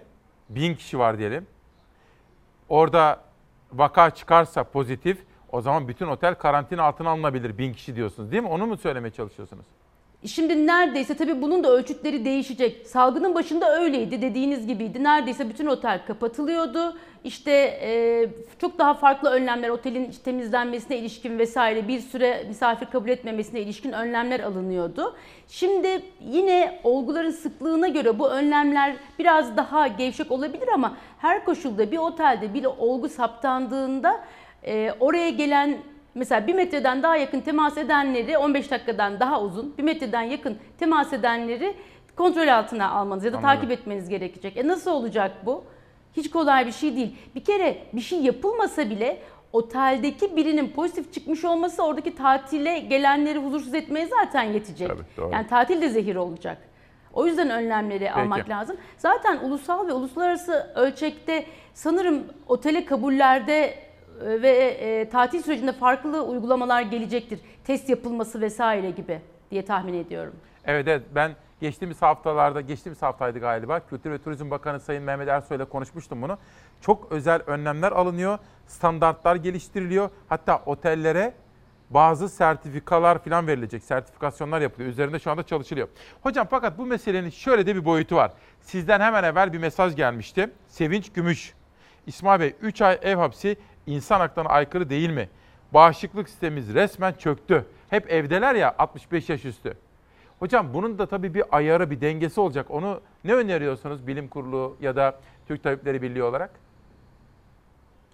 Bu e, Covid-19'un kendi etkileri, hastalığın etkileri dışında artık doğal olarak ikincil etkilerini konuşmaya başladık. Burada da çok önemli etkilerden birisi uzun süredir evde kalan kişilerin hareket bozuklukları, moral bozuklukları ve bir takım sağlık e, sorunlarını ihmal etme noktasında olmaları. Tabii. Kesinlikle haklılar. E, bu e, büyüklerimizi biz bir an önce hani şimdi haftada bir olan hı hı. sıklığı uygun ölçütlerle mutlaka genişletmeliyiz. Hı hı. Mutlaka. Hani Sağlık Bakanlığı Bilim Kurulu da mutlaka konuşuyordur bu konuyu.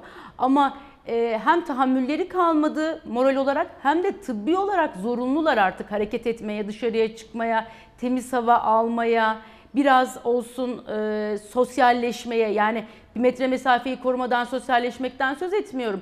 Ama öyle düzenlenebilir ki havalar da şimdi uygun. Günün belli saatlerinde çıkıp yürüyebilirler. Yürüyebilme, yürüyebilirler değil, yürüyebilmeliler. Onun dışında e, hastanelerden hani başlangıçta bizler söyledik.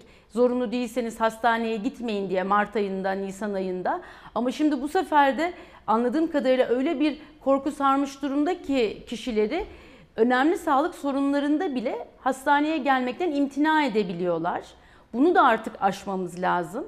E, hastanelerde, sağlık kuruluşlarında gerekli önlemler alınarak Covid olguları da, Covid olmayan başka nedenle hastaneye başvuran olgular da sağlıklı bir şekilde birbirine hastalık bulaştırma riski olmadan güvenli bir şekilde değerlendirilebiliyor. Hatta zaman zaman e, bazı sağlık kuruluşlarında uzaktan e, bir bağlantıyla sağlık sorunları dinlenebiliyor, izlenebiliyor, yönlendirilebiliyor e, kişiler. Yani artık hem sağlığımızı hem moralimizi hem de e, egzersiz durumumuzu ihmal etmeden ilerlemeliyiz özellikle büyüklerimiz açısından. Sonuçta bu yeniden açılma diyoruz ya yeniden açılma konusu büyüklerimizin dışarı çıkmasından başlayarak Daha doğrusu bu süreci tamamen gevşetmekten söz etmiyorum. Belli aralıklarla dışarı çıkmalarının sıklığını artırarak yapılması gereken e, önlemlerden birisi. Hocam, bir de bugün- gereken durumlardan birisi. Sağ olun. Son derece net anlattınız. Bugün Cumhurbaşkanlığı hükümet sistemi modeline göre Bakanlar Kurulu'nda da toplantı yapılacak. Bilim Kurulu'ndan gelen bu öneriler de mesela şehirler arası seyahat kısıtlamaları. Bu konuda bir öneriniz, bir tavsiyeniz olur mu hocam? Beklentiniz? Şimdi bi- biz tabii e, salgın biliminin, epidemiyolojinin ölçütlerine göre olgu sayılarındaki azalmanın belli bir seviyede olması gerekiyor e, bu kuralları gevşetebilmek için. Şimdi azalma eğilimi var evet ama tam olarak e, halk sağlıkçıların istediği ölçütte değil. O yüzden hadi tamam e, herkes istediği yere gidebilir diyebileceğimiz bir noktada kesinlikle değiliz. Ama şu da çok anlaşılır. Gerek sosyal, gerek ekonomik nedenlerle bu seyahatlerin artık kısıtlanması neredeyse imkansız hale geliyor. Bu durumda da gerek kişilerin, gerekse işletme sahiplerinin gerekli önlemleri alarak yani eskisi gibi hani böyle sıkışık koltuklarda seyahat etmek gerçekten mümkün değil. Bu zaten hani şey tartışılır ne kadar sağlıklıydı diye ta- öncesi tartışılır ama bundan sonrası artık zorunluluk. Ee, önlemlerin başında gelen şey fiziksel olarak insanları birbirinden ayırabilmek. Eğer siz iki koltuğu dip dibe koyarsanız ve o iki bileti de satarsanız kişiler nasıl hani o fizik mesafeyi nasıl koruyacaklar? Koruyamazlar. Ama uygun fiziksel koşullar geliştirildikten sonraki kısımda da bireylere ne düşüyor? Mümkün olduğunca mesela hasta kişilerin seyahat etmemesi, öksüren, hapşuran, ateşi olan kişilerin seyahat etmemesi. Bir metreden daha yakın mesafeyi sağlayamayacak, bir metreden daha uzak mesafeyi sağlayamayacak sağlıklı kişilerin maske takacak şekilde temkinli davranması. Yani yanlarında maske olması ve en önemlisi bunların hepsi kadar önemli olan şey el temizliğine dikkat etmek. Biz artık yanımızdan küçük kolonyalarımızı, el antiseptiklerimizi eksik etmeyeceğiz ve ellerimizi sık sık onlarla temizleyeceğiz. Maskenin bizi koruduğunu, tek başına koruduğunu düşünmeyelim lütfen. Elimizi sık sık maskeye götürdüğümüzü hatırlayalım. Havaların e, ısınmasıyla birlikte özellikle sıcak olan illerden maske kullanımı konusunda çok şikayet alıyoruz. Haklı olarak hiç kolay değil bu havada dışarıda sıcaklık 35-40 dereceyken maske takmak. Ama bu maske takmaktan vazgeçmek için bir neden olmamalı. Burada da madem elimizi sık yüzümüze maskeye götürüyoruz. O zaman da el temizliğine dikkat etmemiz gerekiyor. Çok özel e, ürünler değil. El antiseptiği olması da şart değil. Kolonya yeterli. Peki. Kolonyayı hiç canımızdan eksik etmeyeceğiz. hep olacak. Her fırsatta elimizi yıkamaya çalışacağız. Peki. Hocam sosyal medyadan gelen mesajlar var. Biraz böyle tık tık tık tık da gitmek istiyorum ama biraz evvelki yorumlarımla ilgili bir eleştiri gelmiş. Ali Cengiz Tamer solunum cihazı yani ventilatörle ilgili haberler konusunda Koç grubunun yaptıklarını görmezden geldiğimi söylüyor. Hayır. Bu haberleri her yaptığımda hem Baykar'dan bahsettim, hem Koç grubundan Arçelik'ten, hem Aselsan'dan bahsettim ve mühendislerimizden bahsettim. Biz emeğe saygı gösteriyoruz. Bizim burada vurgulamak istediğimiz herhangi bir kişi veya kurum değil. Zor bir durumda karşı karşıya kaldığımız için gücümüzü birleştirmek diyorum. Ama Ali Cengiz Tamer Bey'e hem teşekkür ediyorum ilgisi için hem de yorumu yanlıştır diyorum efendim. Cansu Çamlıbel, Türkiye tam gaz devam. Fransa'da hidroksiklorokin kullanımı durduruldu. Hani hocam bu sıtma ilacı diye tanımlanıyor ya. Şimdi bu ilaçla ilgili Amerika'dan ve Fransa'dan Dünya Sağlık Örgütü'nden açıklamalar geldi. Size kısaca şöyle sorsam aşı, ilaç ve tedavi en son durum nedir?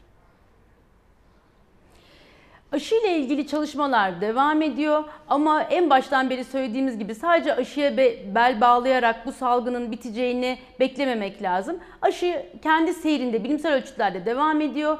Ee, en erken 2021 başı e, ilkbahar ayları olabilir gibi görünüyor en baştan söylendiği gibi. Ama bu da kesin bir tarih değil. Daha uzun bir süreçte alabilir. Tedaviyle ilgili olarak da e, Dünya Sağlık Örgütü Başkanı'nın iki gün önceki açıklamasıyla aslında bu konu gündeme geldi. Hidroksiklorokin veya klorokin ikisini eş anlamlı kullanmakta bir sakınca yok. Bir sıtma ilacı olup daha önceki zor virütük enfeksiyonlarda SARS gibi kullanılan ve başarılı olma olasılığı olan bir ilaçtı. Doğal olarak Covid-19 gibi bir hastalıkta da hızlıca gündeme geldi ve kullanılmaya başlandı dünyada birçok ülkede. Sonra bilimsel bilgiler, bilimsel yayınlar çıkmaya başladıkça bu ilacın hem etkinliği sorgulanmaya başladı hem de yan etkileri var mı acaba diye sorgulanmaya başladı. Tekrar söyleyeyim bu ilaç e, çok iyi bilinen bir ilaç. Çok uzun yıllardır hem sıtmada hem de otoimmün hastalıklarda, e, romatolojik hastalıklarda kullanılan bir ilaç. Şimdi bir takım yan etkilerinin olduğuna ilişkin yayınlar var. Dünya Sağlık Örgütü de bu konuda uyardı. Fransa bunu tedbir olarak geri, e, kullanmayı e, geri çekti ya da kullanılmaması önerisinde bulundu. Türkiye'deki verilerin paylaşılmasıyla umarım Sağlık Bakanlığı bu konudaki verileri en kısa sürede paylaşır. Biz de merak ediyoruz. On binlerce hasta çünkü hidroksiklorokin kullandı. E, olumsuz bir şeyle karşılaşılmış gibi görünmüyor izlenim olarak. Ama elbette ki bu izlenimi paylaşmak yetmez. Mutlaka bilimsel Peki. verilerle güçlendirmek gerekir. Sağlık Bakanı çünkü bu ilacın Türkiye'ye temin edildiğini söylemişti. Hatta bir ilaç firması ismini şimdi söylemeyeyim. e, Hindistan'dan getirmişlerdi. E, ve ham maddesini getirip İlaç temini konusunda sıkıntı bir sorun yoktu. Evet. E, devlete bağışladık demişlerdi hatta. Bizim devletimiz yani biz şu anda kullanıyoruz bunu bildiğim kadarıyla hastalarda. Tabii tabii, tabii kullanıyoruz. Tüm COVID-19 testi pozitif olan hastalarda ve COVID-19 düşünüp henüz testi sonuçlanmamış hastalarda biz bu ilacı kullanıyoruz. Dolayısıyla hani e, kabaca 150 bin civarında olgunun kullandığını en az kabul etmek lazım. E, hidroksiklorokin Türkiye'de e, Sağlık Bakanlığı aracılığıyla hastalara temin ediliyor. İlaç teminiyle ilgili bir sıkıntı yok. Tam böyle çok e, hoş bir sosyal devlet modeli olarak ilaç istendiğinde ilgili hastalara ücretsiz olarak temin ediliyor. Bu çok elbette olumlu bir durum. Ama işte bu ilacın Türkiye'deki etkisi nedir? Gerçekten artık bu yeni bilgilerle daha çok merak etmeye Peki. başladık. Paylaşılacağını en Belki, kısa sürede belki umuyoruz. Sağlık Bakanlığı bu konudaki bilgileri de açıklamalı. Çünkü bu konuda çok sayıda bilim insanından geliyor. Bu arada az evvel ismini hatırlayamadım. Nezih Barut Bey söylemişti. Hani firmasından bağımsız olarak söylüyorum. Hindistan'dan ham maddeyi bulduk, getirdik, ilacı ürettik ve devletimize bağışlamıştık demişti. Hatırlayacaksınız sizlere Çalar Saat ailesine duyurmuştum. Sağlık Bakanı ile konuşmuştu kendisi. Şimdi ben hocama, Özlem Azap hocama şunu sormak istiyorum. Hocam tabii çok çalıştınız, çok yoruldunuz. Biz hepimiz size minnettarız. Yani Türkiye'nin doktorlarına, sağlık çalışanlarına minnettarız. Ama bizim içimizde tabii kaba, vahşi, duygusuz, düşüncesiz ve öfkesini kontrol edemeyen insanlar da var. Konya'da bayramın ikinci günü gittiği hastanede sağlık çalışanına yumruk atarak burnunu kırdı. Adli kontrol şartıyla serbest bırakıldı. Tabii hocam halkımızın büyük bir çoğunluğu sizlere minnettar. Ama böyle az evvel ifade ettiğim gibi duygularını ifade edemeyenler ve öfkesini kontrol edemeyenler, şiddete başvuranlar da var. Sağlıkta şiddet ve sağlıkçıların durumunu size sormak istiyorum. Sağlıkta şiddet maalesef e, giderek artan bir sorun. Bu konuda Türk Tabipleri Birliği'nin e, oldukça e, kapsamlı çalışmaları da var. Ama bu konu hani sadece Covid-19 dönemine, bu döneme özgü bir konu değil elbette. Giderek de artan boyutta e, görüyoruz maalesef, maalesef şiddeti. Buradaki yaptırımlar çok önemli. Kişinin bunu yapmaktan imtina etmesini sağlayacak yaptırımlar çok önemli.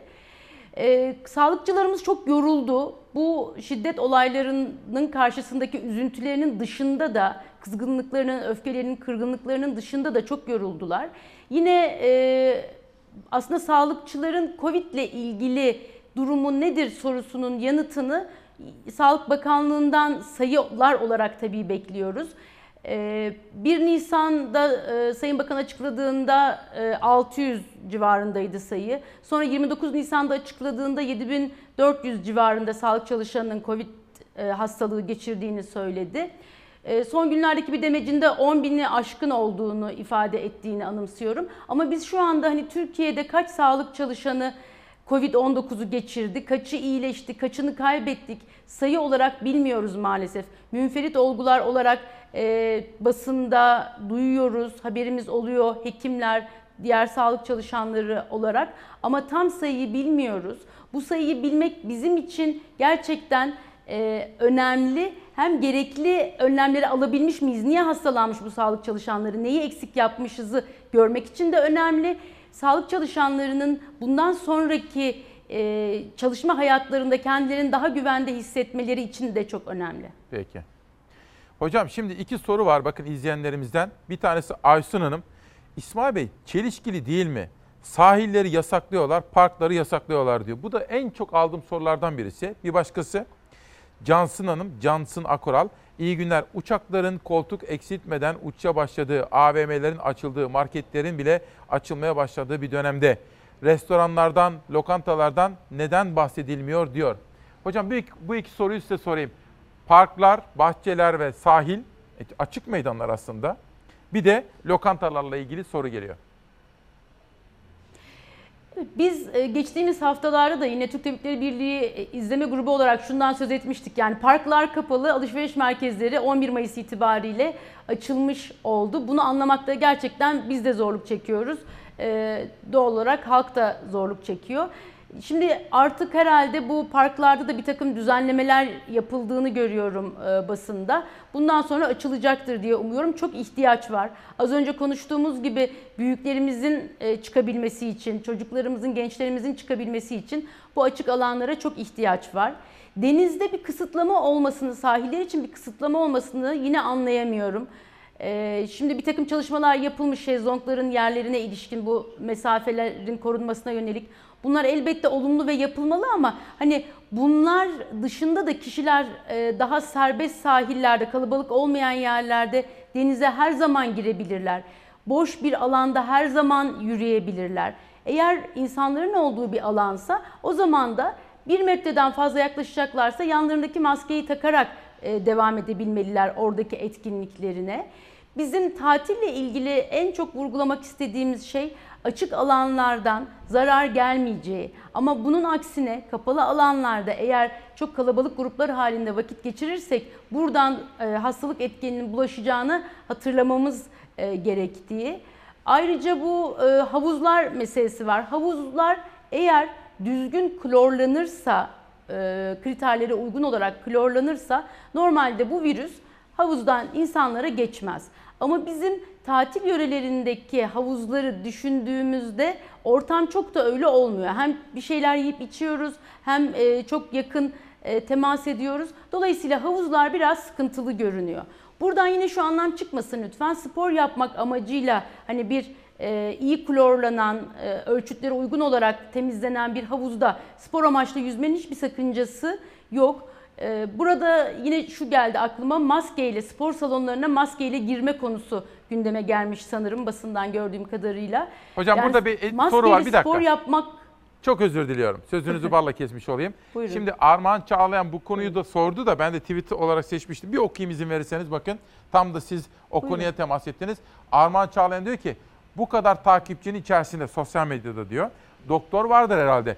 Maskeyle spor yapılır mı? Sağlıksız değil mi? Spor salonlarında spor yaparken maske takılacakmış diye bir soru geliyor. Evet hocam tam sözünüzü burada kesmiştim. Buyurun. Evet şimdi e, tabii burada ben hani maskeyle spor yapılabilir mi sorusunun yanıtını hani kendi açımdan hayır diye yanıtlamak durumundayım. Çünkü maskeyle biraz tempolu yürümek bile sokakta çok kolay değil. Kapalı ortamlarda bu iyice zor olacaktır. Kaldı ki hani çok aslında derinlemesine de bu konulara girdiğimiz zaman çıkamıyoruz içinden ama mesela koşan birisinin e, nefesinde yani hani daha hızlı nefes alıp verdiği için ortamda daha çok e, mikrop olabilir. Yani bunu korumada maske de yetmeyebilir. Biz maskeyi niye söylüyoruz? Hani bir metreden fazla sosyal mesafeyi koruyamadığımız durumda ağzımızdan burnumuzdan çıkacak parçacıklar etrafa saçılmasın diye.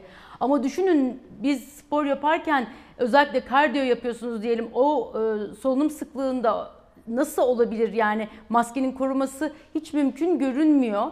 Bunun dışında e, ellediğimiz her yer aynı zamanda virüs eğer taşıyorsak virüsün saçılması için bir e, ortam hazırlayacaktır. Dolayısıyla kapalı spor salonları dışında bir yerde spor yapmak daha uygun olur diye düşünüyorum. Ya da kapalı spor salonunda spor yapılacaksa daha farklı ölçütler kullanılmalı. Örneğin yan yana oturan iki kişinin arasında bir metre mesafe yeterli olabilir ama kardiyo yapan, koşan iki kişinin arasında bir metre mesafe yetmeyecektir. Hani bunun bilimsel olarak kaç metre olması gerektiğine ilişkin bir çalışma var mıdır? Bakabiliriz. Ben şu anda anımsamıyorum.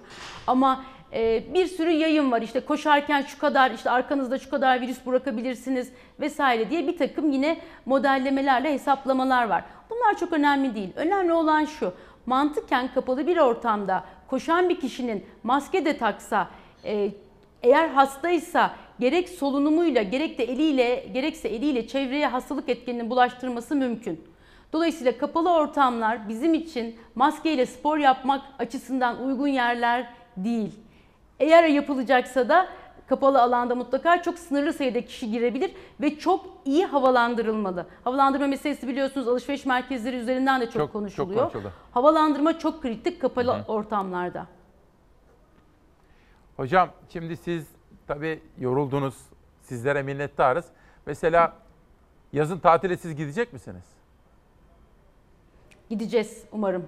Ne yapacaksınız mesela? Ne düşünüyorsunuz? Öyle görünüp planlarımızı değiştirmedik. Açık alanda e, tatil yapabileceğimiz yani çok kapalı yerlerde bulunmamaya çalışarak yani sadece uyuyacağımız dönemde içeri gireceğimiz e, küçük mekanlarda tatil yapmayı planladık. Bir küçük bahçemiz var. Büyük olasılıkla orada bir kısmını geçireceğiz. E, mümkün olduğunca yani mesela eskiden yaptığımız tatili yapmayacağız. Onu söyleyebilirim. Yani geçen yıl yaptığımız gibi bir tatil yapmayacağız. Tamam o kadar net aslında. Onu söyleyebilirim. Hocam iyi ki varsınız. Ben de bugün bu sabahta sizin şahsınızda bütün sağlık çalışanlarını, doktorlarımızı içtenlikle ve içimdeki o şükran duygularıyla, sevgiyle, saygıyla selamlıyorum. Lütfen hastaneye gittiğiniz zaman oradaki arkadaşlara da iletin. Başta Mehmet Haberal hocamız olmak üzere İleteceğim. saygılarımızı, selamlarımızı söyleyin olur mu? Çok teşekkür ediyorum. Çok teşekkürler İsmail Bey. Sağ, olun. Sağ olun hocam. İşte bizim bilim insanlarımız var. Şimdi efendim bir reklamlara gideceğiz. Daha sonra döneceğiz ve ekonomi ağırlıklı olmak üzere ama siyasetin en çok konuştuğu konu da dahil olmak üzere sizlerle birlikte konuşmaya devam edeceğiz. Bugün gelen kitaplardan biri de bu. Bakın Şehvar Beşiroğlu'ya armağan. İçinde bir de bir mektup var. Bana kapsamlı bir çalışma yapılmış efendim bakın. Çok teşekkür ediyorum bu kitap için. Bir kitap daha sonra Şükrü Erbaş şiiri Elek. Psikolog İzzet Güllü'den gelmiş. Şükrü Erbaş. Hani şair aşık olunca hem derdi hem de dermanı kim olur? Şair şöyle diyor. Sevgilim, sevgilim, acımın sahibi, dünyayı düzeltenim.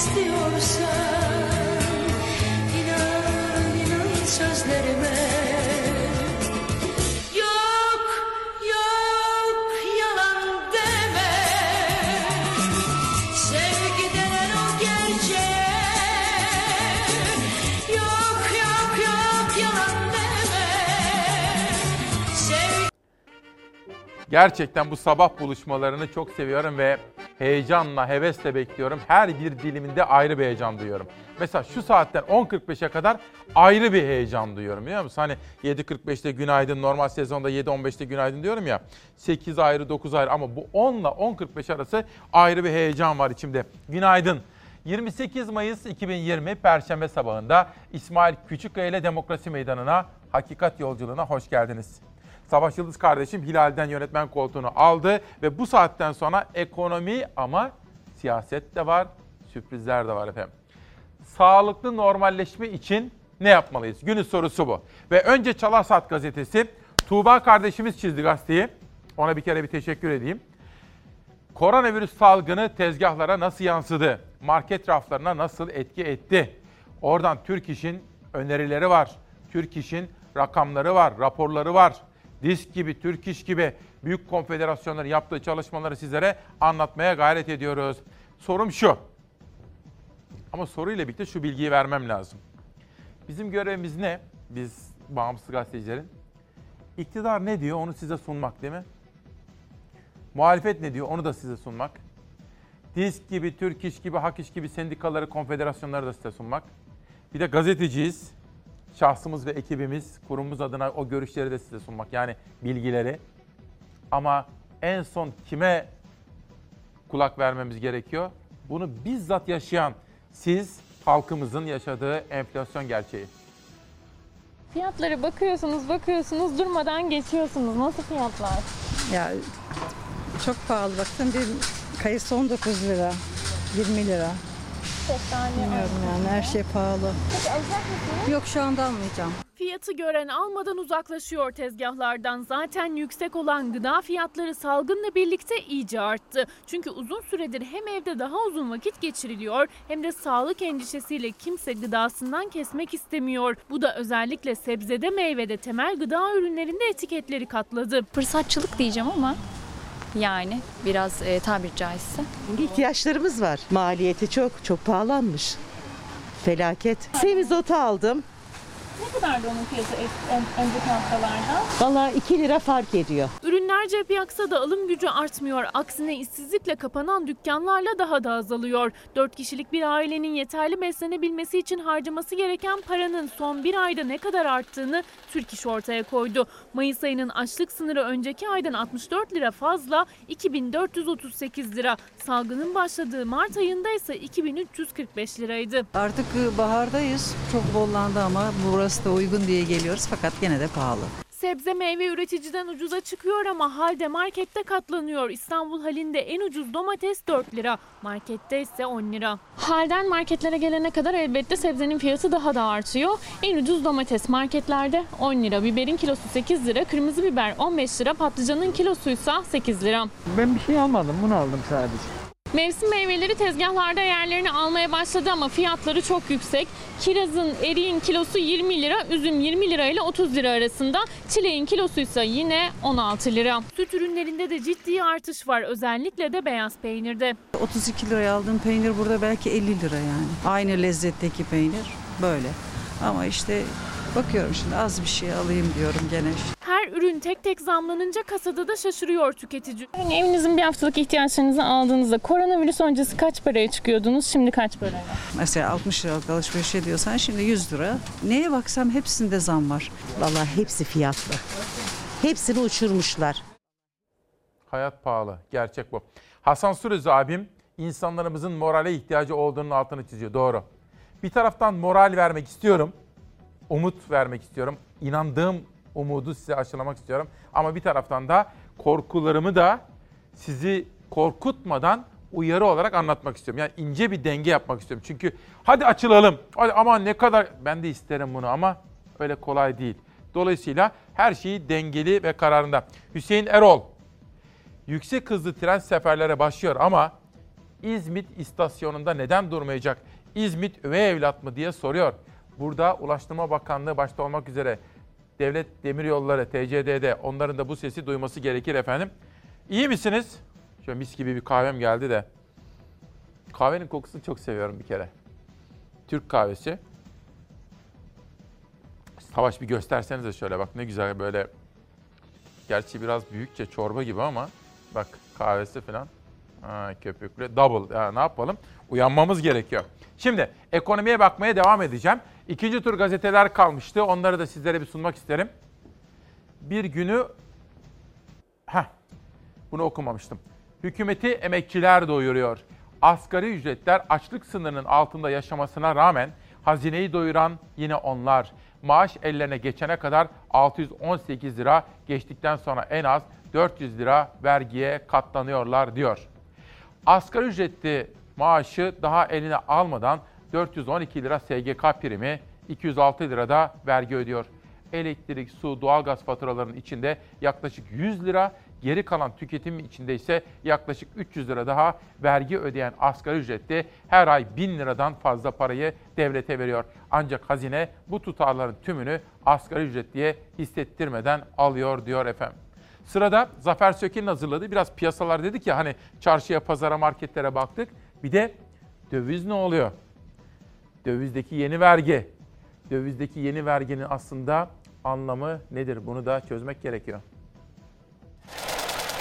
Döviz alımlarında uygulanan vergi oranı 5 kat artırılarak %1'e çıkarıldı. Daha önce altın alımlarında bir vergi uygulanmaz iken yine bugünden itibaren gram altın almak istediğinizde %1 oranında vergi ödeyeceksiniz. Bu dolar alıyorsun bir yatırım için kullanmak istiyorsun. Her adım attığımız vergi. Ha, Aldığımız havadan bile vergi olacak yani. Özellikle salgın döneminde yatırımda Türk lirası tercih edilsin diye bayramın ilk sabahında vergi zammı geldi. Döviz ve altın alımında binde iki olan vergi %1'e yükseltildi. Yani 5 katına çıktı. Bayramın sona ermesiyle döviz büroları açılınca dolar ya da euro almak isteyenler vergi artışıyla da tanışmış oldu. Artık her 100 doların 1 doları, her 100 gram altının da 1 gramı tüketicinin cebinden vergi olarak çıkıp devletin kasasına girecek. Altın alacaksın, altının vergisini veriyorsun. Döviz alacaksın, dövizin vergisini veriyorsun. Bir süre sonra eski kara borsa günleri gelecek. Yani eğer fiş alırsan, fatura alırsan yüzde bir vergi var. Tezgah altında döviz TL değiştirirsen vergi yok. Bu ona gider iş. Önemli ölçüde kayıt altında olan döviz ticaretini tezgah altına kayıt dışına iter bu iş. Vergi zammının ardından Deva Partisi Genel Başkanı Ali Babacan'dan gelmişti uyarı. Benzer endişeyi döviz büroları da taşıyor. Bu e, bir nevi e, kayıt e, dışılılığı da e,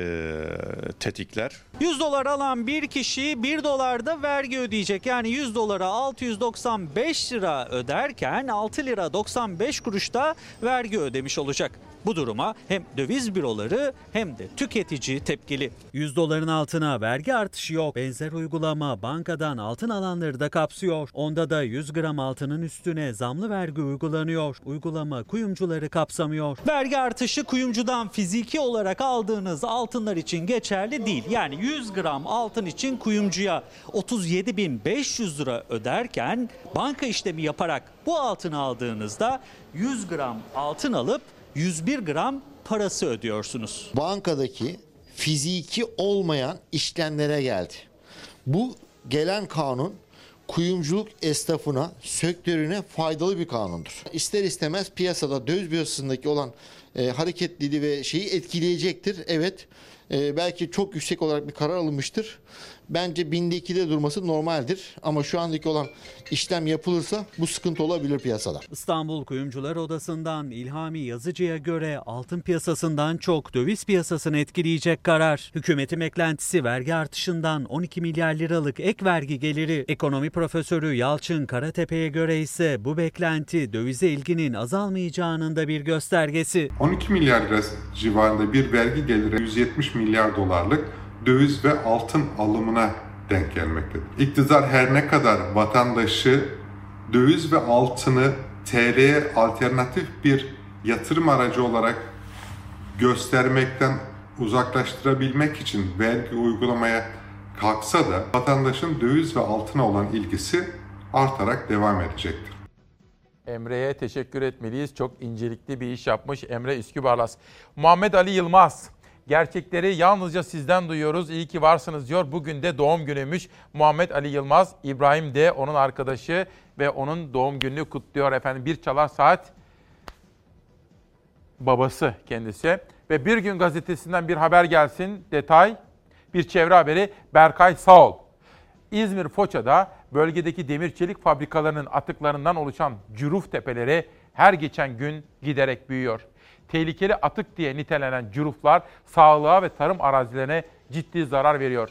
Kozbeyli muhtarı Ülger hayvanlar da biz de metan tozu soluyoruz derken Foça Çevre ve Kültür Platformu Sözcüsü Doğu Türk incelenen cüruf örneklerinin aşırı toksit ve tehlikeli atık olarak değerlendirildiğini belirtti. Hani halk sağlığı tabiri var ya bakın halk sağlığı en önemli hususlardan bir tanesi de budur.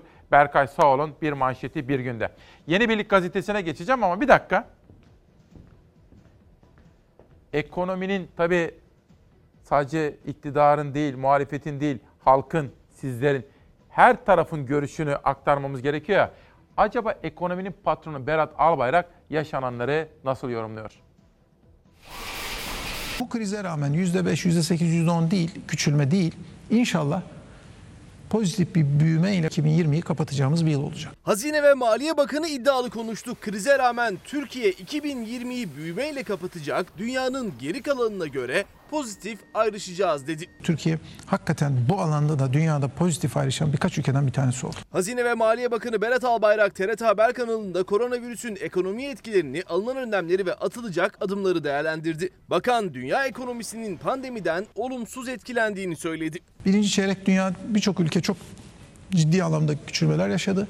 Türkiye bu anlamda birinci çeyrek pozitif. Bakan Albayrak Türkiye'nin 2020 yılını küçülmeyle değil büyümeyle kapatacağını söyledi. İşsizlik oranlarının da dünyanın geri kalanından daha iyi olacağını belirtti. Dünyaya kıyasla büyümeden tutun işsizliğe kadar birçok alanda dünyadaki benzer ülkelere göre Türkiye etkilenen ülkeler içerisinde yine en az etkilenen, yine pozitif ayrışan bir ülke olacak. Hazine ve Maliye Bakanı salgının ardından ekonomi destek paketleri hazırlanacağını duyurdu. Sosyal ihtiyaç destek paketleri olacak. Finansman kredi destek paketleri olacak. Özellikle konut anlamında Türkiye Cumhuriyeti tarihinin en uygun maliyeti uzun vadeli ödemesiz farklı paketlerimiz olacak. Ekonominin durumunu da gözler önüne sermeye gayret ediyoruz. Bakalım gazete okumaya. Bir gün gazetesinden bir detay. Gözaltı ve tutuklama dalgası bütün muhalefeti susturmaya yönelik diyor. Saray cadı avında. Ülkeyi krize sürükleyen iktidar adeta cadı avı başlattı. Erdoğan'ın başvurusu üzerine 5 CHP'liye daha soruşturma açıldı. 17 yaşındayken attığı tweet nedeniyle gözaltına alınan Dila Koyurga'ya ev hapsi verildi. Şimdi bakın ilk fotoğrafa baktığınız zaman Dila Koyurga 17 yaşındayken tweet attı diye yazıyor ya. O tweet'i ne zaman atmış biliyor musunuz? 7 yıl önce. 7 yıl önce 17 yaşındayken attığı tweet bugün soruşturma konusu olmuş Bir Gün Gazetesi de bütün bunları saray cadı avında diyerek aktarıyor. Haberin içerisinde İzmir'de tutuklanan Banu Özdemir var ve Adana'da tutuklanan Eren Yıldırım da var efendim. Bir günden bir de Yeni Birlik Gazetesi'ne bir geçelim. Bakalım başka hangi detaylar bizi bekliyor. Biz olmadan Suriye sınırı iyi. ABD Başkanı Trump Suriye'de Türkiye sınırından askerlerimizi çektiğimizde de herkes bunun korkunç olduğunu söyledi.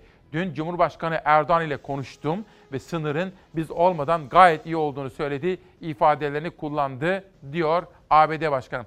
O halde şimdi hep beraber Amerika'ya gidiyoruz. Amerika 100 binden fazla Amerikan vatandaşını koronavirüsten dolayı kaybetti. Bakın 100 binden fazla. Sosyal medya hesabında yaptığı paylaşımlara sahte bilgi damgası vurulan Trump harekete geçti. Amerika Başkanı söz konusu sosyal medya platformu için yaptırımlar uygulayacağını açıkladı. Öte yandan Trump aralarında soğuk rüzgarlar esen New York valisiyle görüştü. Salgından ağır darbe alan New York'un geleceğini konuştular. Amerika'da virüse bağlı can kayıpları 102 bini geçti. Salgının şiddetini en çok gösterdiği New York ve New Jersey'de vaka ve can kayıpları düşüşte. Ama özellikle New York'ta ekonomik kriz ciddi boyutlara ulaştı. New York valisi ve Başkan Trump ekonomiyi canlandırmak için projeleri görüştü. We need the jobs now. New York valisi salgının başlarında Trump'ı New York'u umursamamakla suçladı. Times Meydanı'na Trump'ı ölümlerden sorumlu tutan bir saat panosu bile asıldı. Sağlık sistemi çöken eyalette işsizlikle derinleşti. New York valisi Cuomo, Trump'la New York için uzun süredir planlanan altyapı projelerini görüştü. Çalışmaların en kısa zamanda başlaması için anlaştılar. I think the president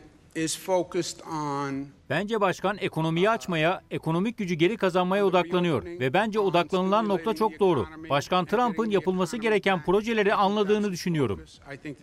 Bir sosyal medya platformu geçerliliği olmayan bilgilerin yayılmasını engellemek için harekete geçti. Yanlış bilgi içeren paylaşımların altına bilgiyi doğrulu etiketi yerleştirdi. Amerika Başkanı Trump, Kaliforniya'da uzaktan oylama sistemine dair bir paylaşımda bulununca işte o etiketten nasibini aldı. Uzaktan oylama dahiyle kaçınılmaz olacaktır diyen başkanın paylaşımına yalanlama geldi. Doğru bilgi için insanların etikete tıklaması istendi. Bu uygulama Amerika başkanını çok kızdırdı. Yapılanı Amerikan seçimlerine müdahale olarak yorumladı. Şimdi de 2020 başkanlık seçimlerine müdahale ediyorlar. Benim uzaktan oy verme sisteminin hile ve yolsuzluğa yol açacağına dair paylaşımımı yalancı basının yaptığı haberlerle yalanlıyorlar. Bir başkan olarak bunun olmasına izin vermeyeceğim. Trump bugün sosyal medya platformlarına ilişkin kararname imzalayacak.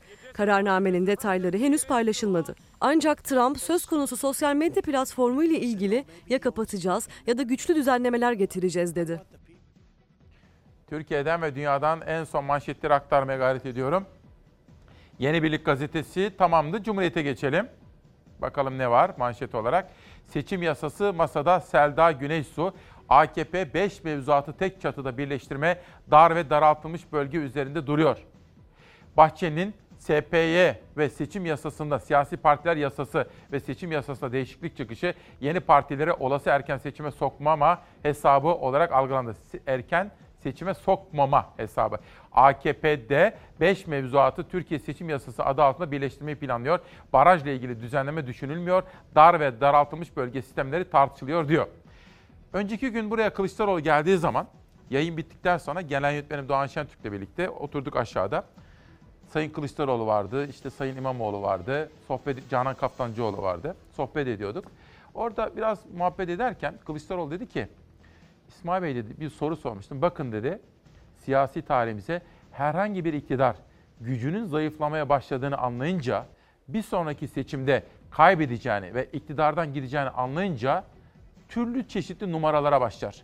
Bu dedi yakın siyasi tarihimizde her zaman gördüğümüzdür. Ama dedi bir iktidar bunlara bir kere başlayınca yok o partiyi seçime sokmayalım, yok onları cezaevine atalım, yok bunu yapalım anketlerle oynamaya başlarlar seçim sistemi falan. Ama dedi bilin ki dedi bunun faydası olmaz. Bu dedi iktidarların düştüğü en büyük hatadır dedi. Bilmiyorum Kılıçdaroğlu olup bitenleri işte böyle yorumluyordu.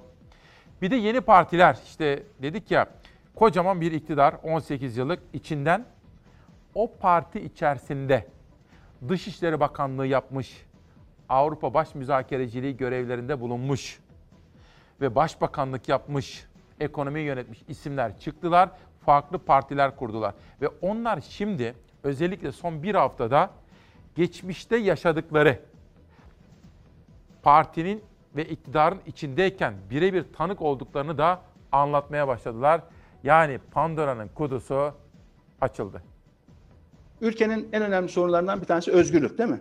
Özgürlük. Düşünce suçlarını önce bir bırakın. Hapislerden çıksın insanlar. Ne yazık ki bu terör suçunu bir düşünce suçu olarak gösterme gayreti içinde olanlar ne milletin verdiği bu 100 yıllık mücadeleyi ne de bağımsız Türkiye idealine karşı gerçekleşen bu tehditleri kavrayabilmişlerdir. Bu çarpıtma hevesi maalesef masum değildir. Şiddeti teşvik etmedikten sonra, nefret pompalamadıktan sonra, evrensel hukuk kuralları çerçevesinde özgürce yazın çizin. Biz artık size karışmayacağız. Ali Babacan'ın serbest kalmalı dediği düşünce suçluları için Cumhurbaşkanlığı İletişim Başkanı Fahrettin Altun teröre darbeye bulaşanlar dedi. MHP lideri Bahçeli'nin yeni kurulan partileri FETÖ projesi olarak tanımlamasına Davutoğlu sert tepki gösterdi. FETÖ Bahçeli'ye minnettar dedi. İyi olacak, gelecek olacak, deva olacak FETÖ projesidir. Pensilvanya kaynaklıdır. Beni FETÖ kontrol edecek öyle mi? Buna kargalar güler. Meral Akşener'i İçişleri Bakanı'nı FETÖ kontrol edecek öyle mi? Sayın Ali Babacan'ı FETÖ kontrol edecek. Yani bizlerin hepsi kontrol ediyorsa bu FETÖ herhalde minnettardır Sayın Bahçeli'ye. Şu anlamda minnettardır. Hala FETÖ'nün bu kadar güçlü olduğu intibanı verdiği için minnettardır. AK Parti'den ayrılarak Deva ve Gelecek Partilerini kuran Babacan ve Davutoğlu'yla Cumhur İttifakı ortakları AK Parti MHP gerilimi tırmanıyor.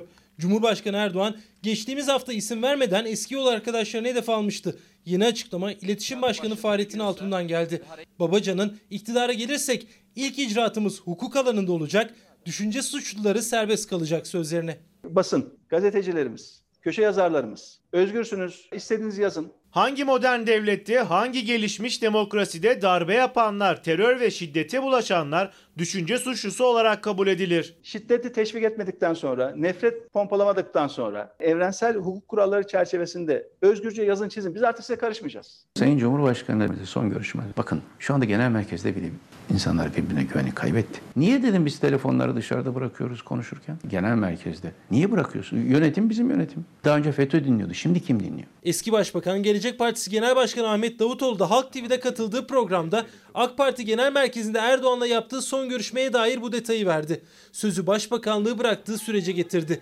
Kendisine hedef alan Pelikan dosyasına. Sayın Cumhurbaşkanı bu geçen isimlerin geçtiği yalıyı ziyaret etti. O gün o Pelikan dosyası üzerinden bana karşı bütün o kampanya yürütenlerin hepsi şu anda birbiri hakkında pelikan vari yöntemlerle kampanya yürütüyorlar. Bakanlar arasındaki rekabete bakın. Bazı bakanlara, Adalet Bakanlığı zikredeyim. Onun ifade şeylerine bakın. Pelikan denilen yapılanmanın mevcut kabinede bazı bakanları hedef aldığını söyledi isim de vererek. Davutoğlu'nun sözlerine Erdoğan ya da kurmaylarından nasıl bir yanıt geleceğine çevrildi gözler.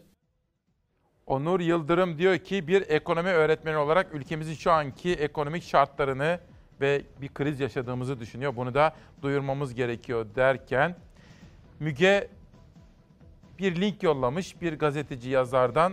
içinde hakaret falan var, cahillik var. Onu geçelim ama ben size yani o bahsettiği kişi Sabah gazetesinde ayı lakaplı bir yazar ama çok önemli değil. Şöyle e, Hilmi Yavuz hocamız bize anlatırdı onu o ayı lakaplı yazarın neler olduğunu. Dolayısıyla onu geçmiyorum ama ben onu geçelim yani kale almayalım. O kim sormuştu? Bir link yollamış da Müge Hanım. Onu değil ama bakın Sabah gazetesinde küfretmeden yazı yazan duayen bir isim var mesela. Darbeye güzelleme. Yani küfretmeden, hakaret etmeden yazı yazılabilir.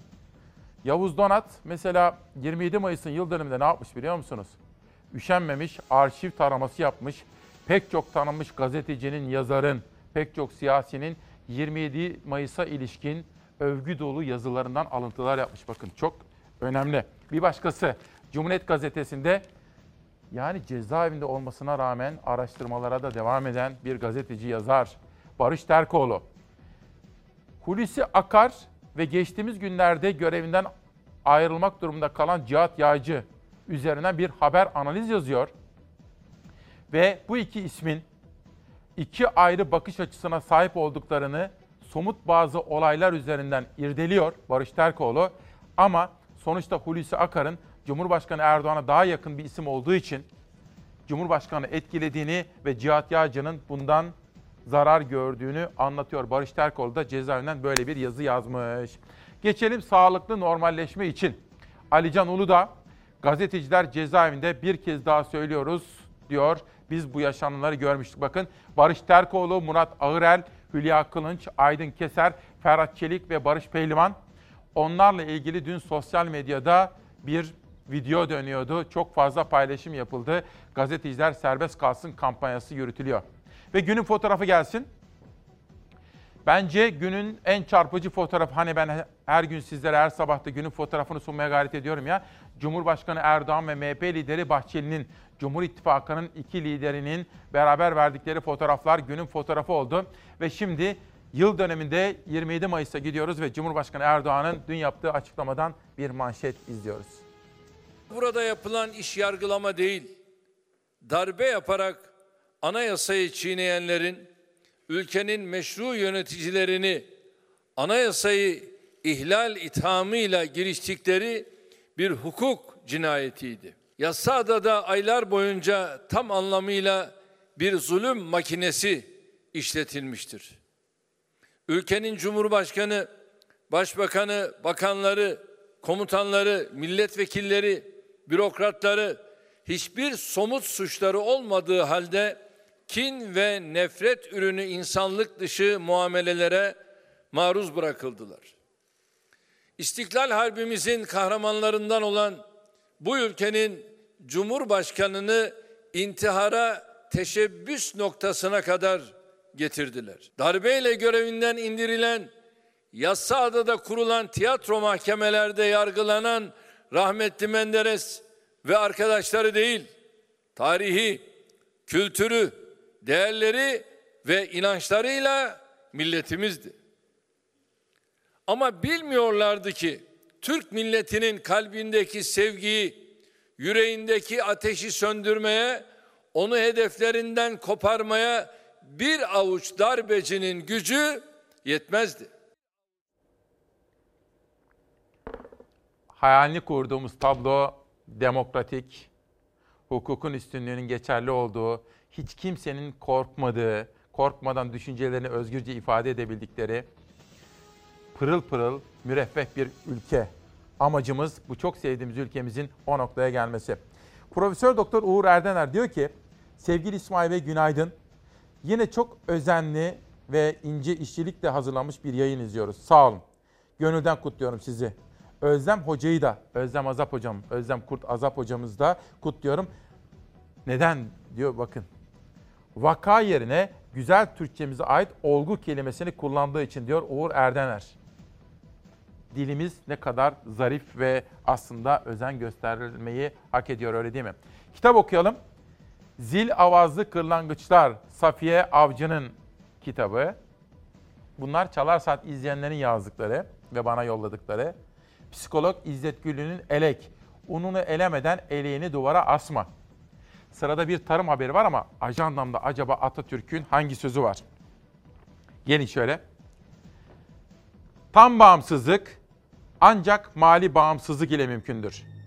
Bir devletin maliyesi bağımsızlıktan yoksun olunca o devletin bütün hayat ışıklarında bağımsızlık felç olur. O kadar önemli ki. Bağımsızlık nasıl bir bağımsızlık biliyor musunuz? Tam bağımsızlık. Ancak mali bağımsızlık ile mümkündür. Yani ekonominiz bağımsız değilse istediğimiz kadar biz vatan millet Sakarya diyelim. Öyle olmuyor. Ekonomimiz bağımsız olacak.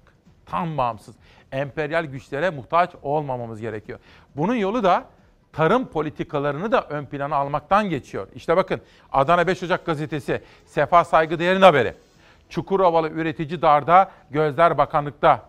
Valiye de teşekkür etmemiz gerekiyor. Vali Mahmut Demirtaş hassasiyet göstermiş hemen üretim alanlarında incelemeye gitmiş efendim.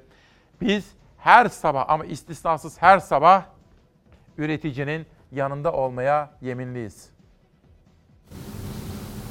Bir hafta önce hiç kimsenin ummadığı bir şekilde çöl sıcakları oldu. Örnekleri buradadır.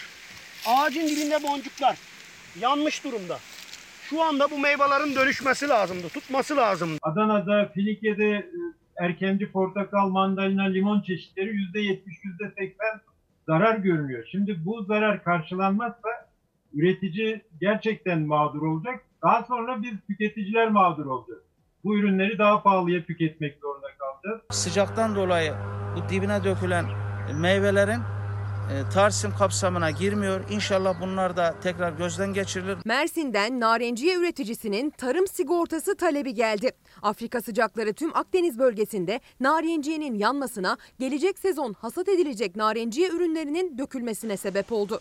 Sadece Afrika sıcakları da değil, dolu ve fırtına da gördü ağaçlar. Son bir ayın içinde hem tolu bu gördüğünüz ağaçlar hem tolu yedi hem e, doludan sonra bir fırtına e, oldu. Onu gördü. Artı çöl sıcakları geldi. Ürünün dışa gelen bölümlerini hepsini yaktı. Mersin Turunçgil Üreticiler Birliği Başkanı Ahmet Dursen Şahin, ağaçlardaki hasat edilecek ürünlerin dolu, fırtına ve sıcaktan peş peşe zarar gördüğünü söyledi. Antalya Finike'den de gelmişti narenciye ağaçlarının uğradığı zararın haberi. Şu anda kaldırıyorum dalı. Bir tane sağlam meyve görükmüyor. Olanlar da yanmış durumda. Gübre pahalı, mazot pahalı, su pahalı. Şu anda sulama yapıyoruz.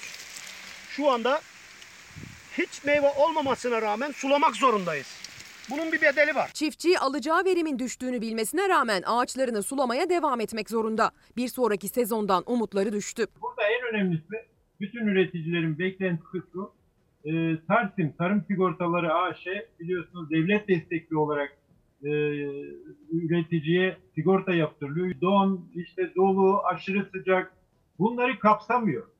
Oysa bugün artık sadece Türkiye'nin değil dünyanın en önemli sorunlarından birisi bu oldu. İsmail Küçükkaya ile Çalar Saat programında çiftçinin sorunlarına yönelik bilgiler veren Ali Ekber Yıldırım da çiftçi de Tarsim sigortasının mevsimsel değişiklikleri kapsaması gerektiğini söyledi. Tarım sigortası kapsamında aşırı sıcak havanın neden olduğu zararlarının telafi edilmesini istiyorlar. Devletimizden ricamız e, Tarsim kapsamında almasıdır. Tarsim'den bizlerin ta, kü- e, kültürümüzü, sigortalama kültürünü geliştirebilmemiz için cazip hale gelebilmesi lazım. Sadece bu sezon yaşanacak zararın karşılanması için değil, tarımda sigortalama kültürünün gelişmesi için de önemli diyor Mersin Turunçgil Üreticiler Birliği Başkanı Şahin. Bunlar bizleri gelecek için kaygılandırıyor. İnsanların mağdur olmaması için bir afet bölgesi ilan edilmesi lazım. Narenciye üreticilerinin zararı büyük. Sırada bizleri kaygılandıran, endişelendiren, hatta üzen bir olayın, gelişmenin haberi var. Neden kaygılanıyoruz? Şundan. Biz gücümüzü, takatimizi, vaktimizi, emeğimizi boşa harcayamayız. O kadar ciddi sorunlarla karşı karşıyayız ki. İktidar, belediyeler hepsi işbirliği yapmak zorunda. Ama bu tabloyu göremiyoruz. Neden? Bu bizleri üzmekte. Tek başına bir merkezi iktidar bu sorunları çözemez. Belediyeler de tek başına çözemez. Birbirlerini dışlayarak bir yol, bir yol bulamazlar efendim. Hayır. Bu konuda önemli bir haber var. Sizlerin yorumlarınıza bırakacağım. Ama önce iki kitap. Kadir Koca şiirler. Sevdamın adını Hürriyet koydum diyor. Sevdamın adını Hürriyet koydum. Ve Uzlet Ayhan Benli tarafından yazılmış. Ayhan Benli'nin kitabı da imzalanarak bize gelmiş. Pencere gazetesinde bir detay gelsin bakalım. CHP'li belediyelere çifte kıskaç. İktidar partileri belediye meclislerinde başkanının meclisteki seçimle belirlenmesi için hazırlık yapıyor. Diğer yandan belediyelerin yatırımlarının da Ankara'nın onayından geçmesi konusunda hazırlıkların son aşamaya geldiğini belirtti. Bunun haberini izleyeceğiz ama haberi izlerken buradan biz iktidarı şöyle yapıcı bir dille uyarmak durumundayız. Geçen yıl yapılan yerel seçimlerin sonuçlarını bir an evvel demokratik bir olgunlukla kabul etmek ve belediyeleri de iş yapar hale getirmek için merkezi yönetimin atması gereken adımların atılması gerekir. Eğer merkezi iktidar şu anda oluşan algıdaki gibi belediyeleri muhalefet partilerinin kazandığı belediyelerin elini kolunu böyle bağlarsa bundan hem memleket zarar görür hem o partilere oy veren vatandaşlarımız görür hem de diyelim Ankara. Mansur Yavaş, Mansur Yavaş zarar görür ama Ankara halkı da zarar görür. Buna Cumhur İttifakı'na oy veren değerli yurttaşlarımız da dahil. Dolayısıyla bu yol yanlış bir yoldur. Çözüm kenetlenmek ve işbirliği yapmak. Cumhur İttifakı kaybettiği belediyelerin acısını hala hazmedememiş. Neymiş? Meclis başkanı belediye başkanı olmayacakmış. Utanmasalar CHP'li belediyelere de halkın iradesine rağmen kayyum atayacaklar. Belediye başkanlarının belediye meclisinde başkanlık yapamayacağına ilişkin bir düzenlemenin yolda olduğu iddiası muhalefeti ayaklandırdı. CHP darbe çıkışı yaptı. Ey Recep Tayyip Erdoğan, İstanbul'da belediye başkanlığı yaptığında belediye meclisine başkanlık yapacaksın. 25 yıldır senin atadıkların belediye meclisine başkanlık yapacak. Şimdi İstanbul'un seçtiğine belediye meclisinde başkanlık yaptırmayacaksın. Aha da darbecilik. Borç alarak mı burayı idare edeceksiniz? Siz hükümettiniz. Hükümetken de sürekli kredi kredi kredi. Hala sizin kredini ayda 52 milyon lira ödüyoruz ya. 31 Mart yerel seçimi sonrası İstanbul, Ankara, Adana, Antalya'nın da olduğu 11 büyük şehri Millet İttifakı kazandı ama birçoğunda belediye meclisinde Cumhur İttifakı güçlü. Yani başkan Millet İttifakı'ndan mecliste çoğunluk AK Parti ve MHP'de. Meclisin çoğunluğu bizde. Öyle de olsa bunlar neye dönüşür? Bunlar topal ördek. Cumhurbaşkanı Erdoğan belediye başkanları AK Parti'den olmasa da belediye meclisindeki çoğunluğa dikkat çekiyor her fırsatta. AK Parti'nin yerel yönetimlerle ilgili bir düzenleme üzerinde çalıştığı da biliniyor. Habertürk yazarı Muharrem Sarıkaya yazdı. Seçilen belediye başkanı belediye meclisinde başkanlık edemeyecek. Türkiye Büyük Millet Meclisi'nde olduğu gibi belediye meclisi kendi içinde bir başkan seçecek. Siz üç büyük ille beraber birçok büyük şehri kaybettiniz. Bunu bir kere kafanıza yerleştirin. Bunu hazmedin. Milletle kavga etmenin, itiraz etmenin bedelini geçen sene ödemediniz mi? Halk ensenize demokrasi tokatını bir vurdu, hala aklınız başına gelmedi. Bizim başkanın namazda gözü yok ki ezanda kulağı olsun diyecekti. Siyasi çukura düştü bu lafınız onu söyleyeyim. Beni neden çalıştırmıyorsunuz arkadaşlar? Cumhur İttifakı yani AK Parti ve MHP'nin çoğunlukta olduğu İstanbul, Ankara gibi belediye meclislerinde Millet İttifakı'ndan seçilen başkanların kredi ve borçlanma talepleri dahi kabul edilmiyor. Belediye başkanlarının mecliste başkanlık edemeyeceği bir düzenleme hayata geçerse muhalefet seçilmişe darbe olur diyor. Darbeciliğin daniskası budur.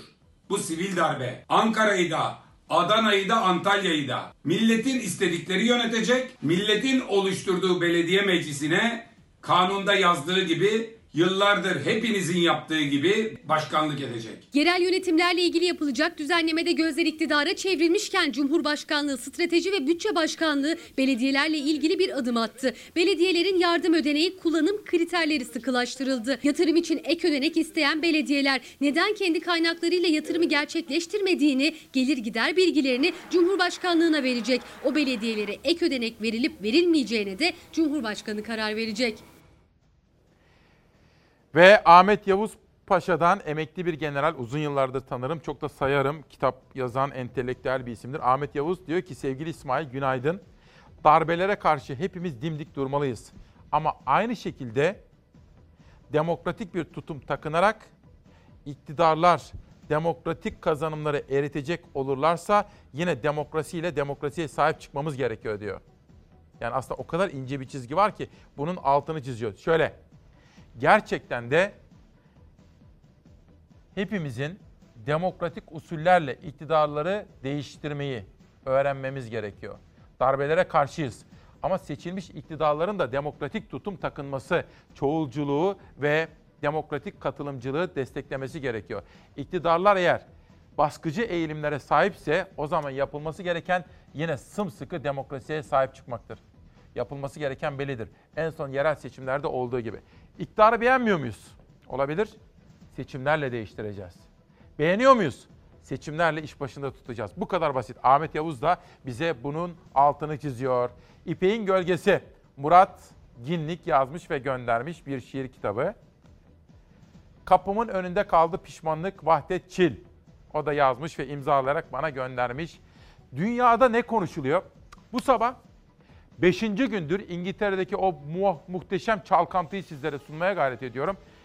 İngiltere'nin Başbakanı Boris Johnson sağ kolu olarak nitelendirilen danışmanını koruyor. O danışman sokağa çıkma kısıtlamasına rağmen özel bir görevi yok iken, özel bir izin kağıdı yok iken arabasına atlamış, ailesiyle birlikte 450 kilometre yol gitmişti. Ve Boris Johnson hem kendisi hem de danışmanı özür dilemeyi ve istifa etmeyi de kabul etmediler. Ama İngiltere işte bu olayla çalkalanıyor. Bugün tam 5. gündür. İngiltere Başbakanı Boris Johnson seyahat yasağını delen danışmanını korumaya devam ediyor. Johnson, Başdanışmanı Dominic Cummings hakkında soruşturma açılmasını reddetti. Başdanışman Cummings, İngiltere polisini de huzursuz etti. Emniyet Müdürlüğü'nden yapılan açıklamada bu olay yüzünden polise olan güvenin sarsıldığı ifade edildi. İngiltere'de alınan seyahat yasağı kararını en olmaması gereken isimlerden biri deldi. Başbakan Johnson'ın baş danışmanı Dominic Cummings. Başdanışman virüs belirtisi gösteren eşiyle birlikte 400 kilometrelik yolculuk yaptı. Tepkiler büyüdü ama ne bir özür geldi başdanışmandan ne de istifa kararı. Did you ever consider it? no, I did not. I have not considered it. Boris Johnson parlamento üyeleriyle video konferans yoluyla bir araya geldi.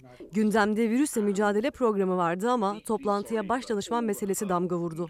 Parlamento üyesi Bernard Jenkin, başdanışmanın bu hareketinin ahlaki otoriteyi baltaladığını ifade etti. Başbakan Johnson ise soruşturmaya gerek olmadığını, bu konunun artık geride bırakılması gerektiğini vurguladı.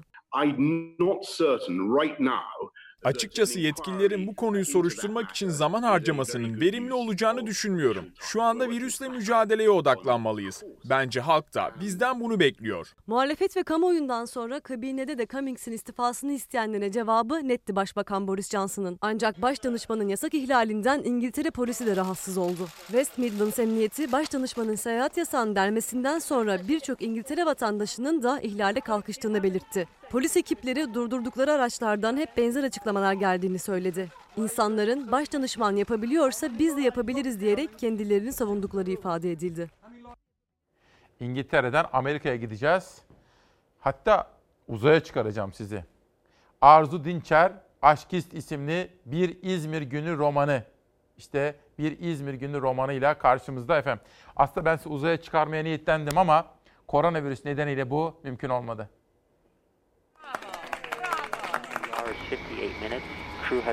İnsanlı uzay mekiğinin fırlatılması için hazırlıklar tamamlandı. Amerika Başkanı Trump dahil binlerce kişi fırlatmayı izlemek için yerini aldı. Dünya nefesini tuttu o anları izlemeye başladı. Ancak gökyüzünün onlara kötü bir sürprizi vardı. Unfortunately, um, we are not going to launch today. 2011 yılında NASA mürettebatlı uçuş projelerini askıya aldı. 9 yılın ardından dün bir ilk yaşanacaktı. NASA ve iş adamı Elon Musk'ın şirketi ortak bir uzay mekiği yaptı. Dün o mekik insanlı bir şekilde uzaya fırlatılacaktı. Fırlatma işlemi öncesi tüm hazırlıklar yapıldı. Binlerce kişi o anlara tanıklık edebilmek için fırlatışın yapılacağı alanın yakınına toplandı. Amerika Birleşik Devletleri Başkanı Donald Trump da eşiyle birlikte Washington'dan Florida'ya gitti. Fırlatma işlemi için kendisine hazırlanan yerini aldı. Uçuşa kısa süre kala astronotlar uzay mekiğine ilerledi. Araçta yerlerini aldı. Artık geri sayıma başlanacaktı. Ama hava durumu onlara müsaade etmedi. First 58 minutes, crew has arrived at NASA fırlatışa dakikalar kala kötü hava koşulları nedeniyle fırlatma işleminin ertelendiğini duyurdu. Tutulan nefesler geri verildi. Başka bir aksilik olmazsa uzay mekiği 30 Mayıs Cumartesi günü fırlatılacak. Bugün gazetelerin ilan sayfalarını inceledim. Sonra gazetelerin ölüm sayfalarına da bir baktım. Bakın şurada Edip Cansever'i 34. ölüm yıl döneminde sevgiyle, özlemle anıyoruz. Şu söz, bakın, hayat felsefesi olur. Doğrusu elinizden ne gelir ki? Siz dolgun yaşamaya bakın günleri. Yaşam felsefesi olur diyor. Sıradaki haberimiz çocuklarımıza dair bir uyarı amaçlı küçük bir video ama önemli. Merhaba. Nasılsın? Vücudunu nasıl koruyacağını biliyor musun? Vücuduna istemediğin şekilde dokunan biri olursa o zaman nasıl korursun kendini peki? Ama bazı dokunuşlar hiç iyi hissettirmez. Yani kızgın hissettirir, e, mutsuz hissettirir, e, tuhaf, tuhaf hissettirir. E, bunlar kötü dokunuşlardır. Mesela özel bölgeme dokunulması. Hı? Hiç hoşuma gitmez. Hı hı. Gitmez. Bir dakika. Sen biliyor musun özel bölge ne demek? Ha? Ha, dur ben sana anlatayım dur dur. Atletimin ve kilodumun kapadığı bölgeler özel bölgelerdir. Eğer biri bana dokunursa şöyle yaparım. Hayır, bunu bana yapamazsın. Durmazsa eğer böyle bağırırım. Sonra da hemen gidip güvendiğim bir büyüğüme anlatırım. Zil alayım.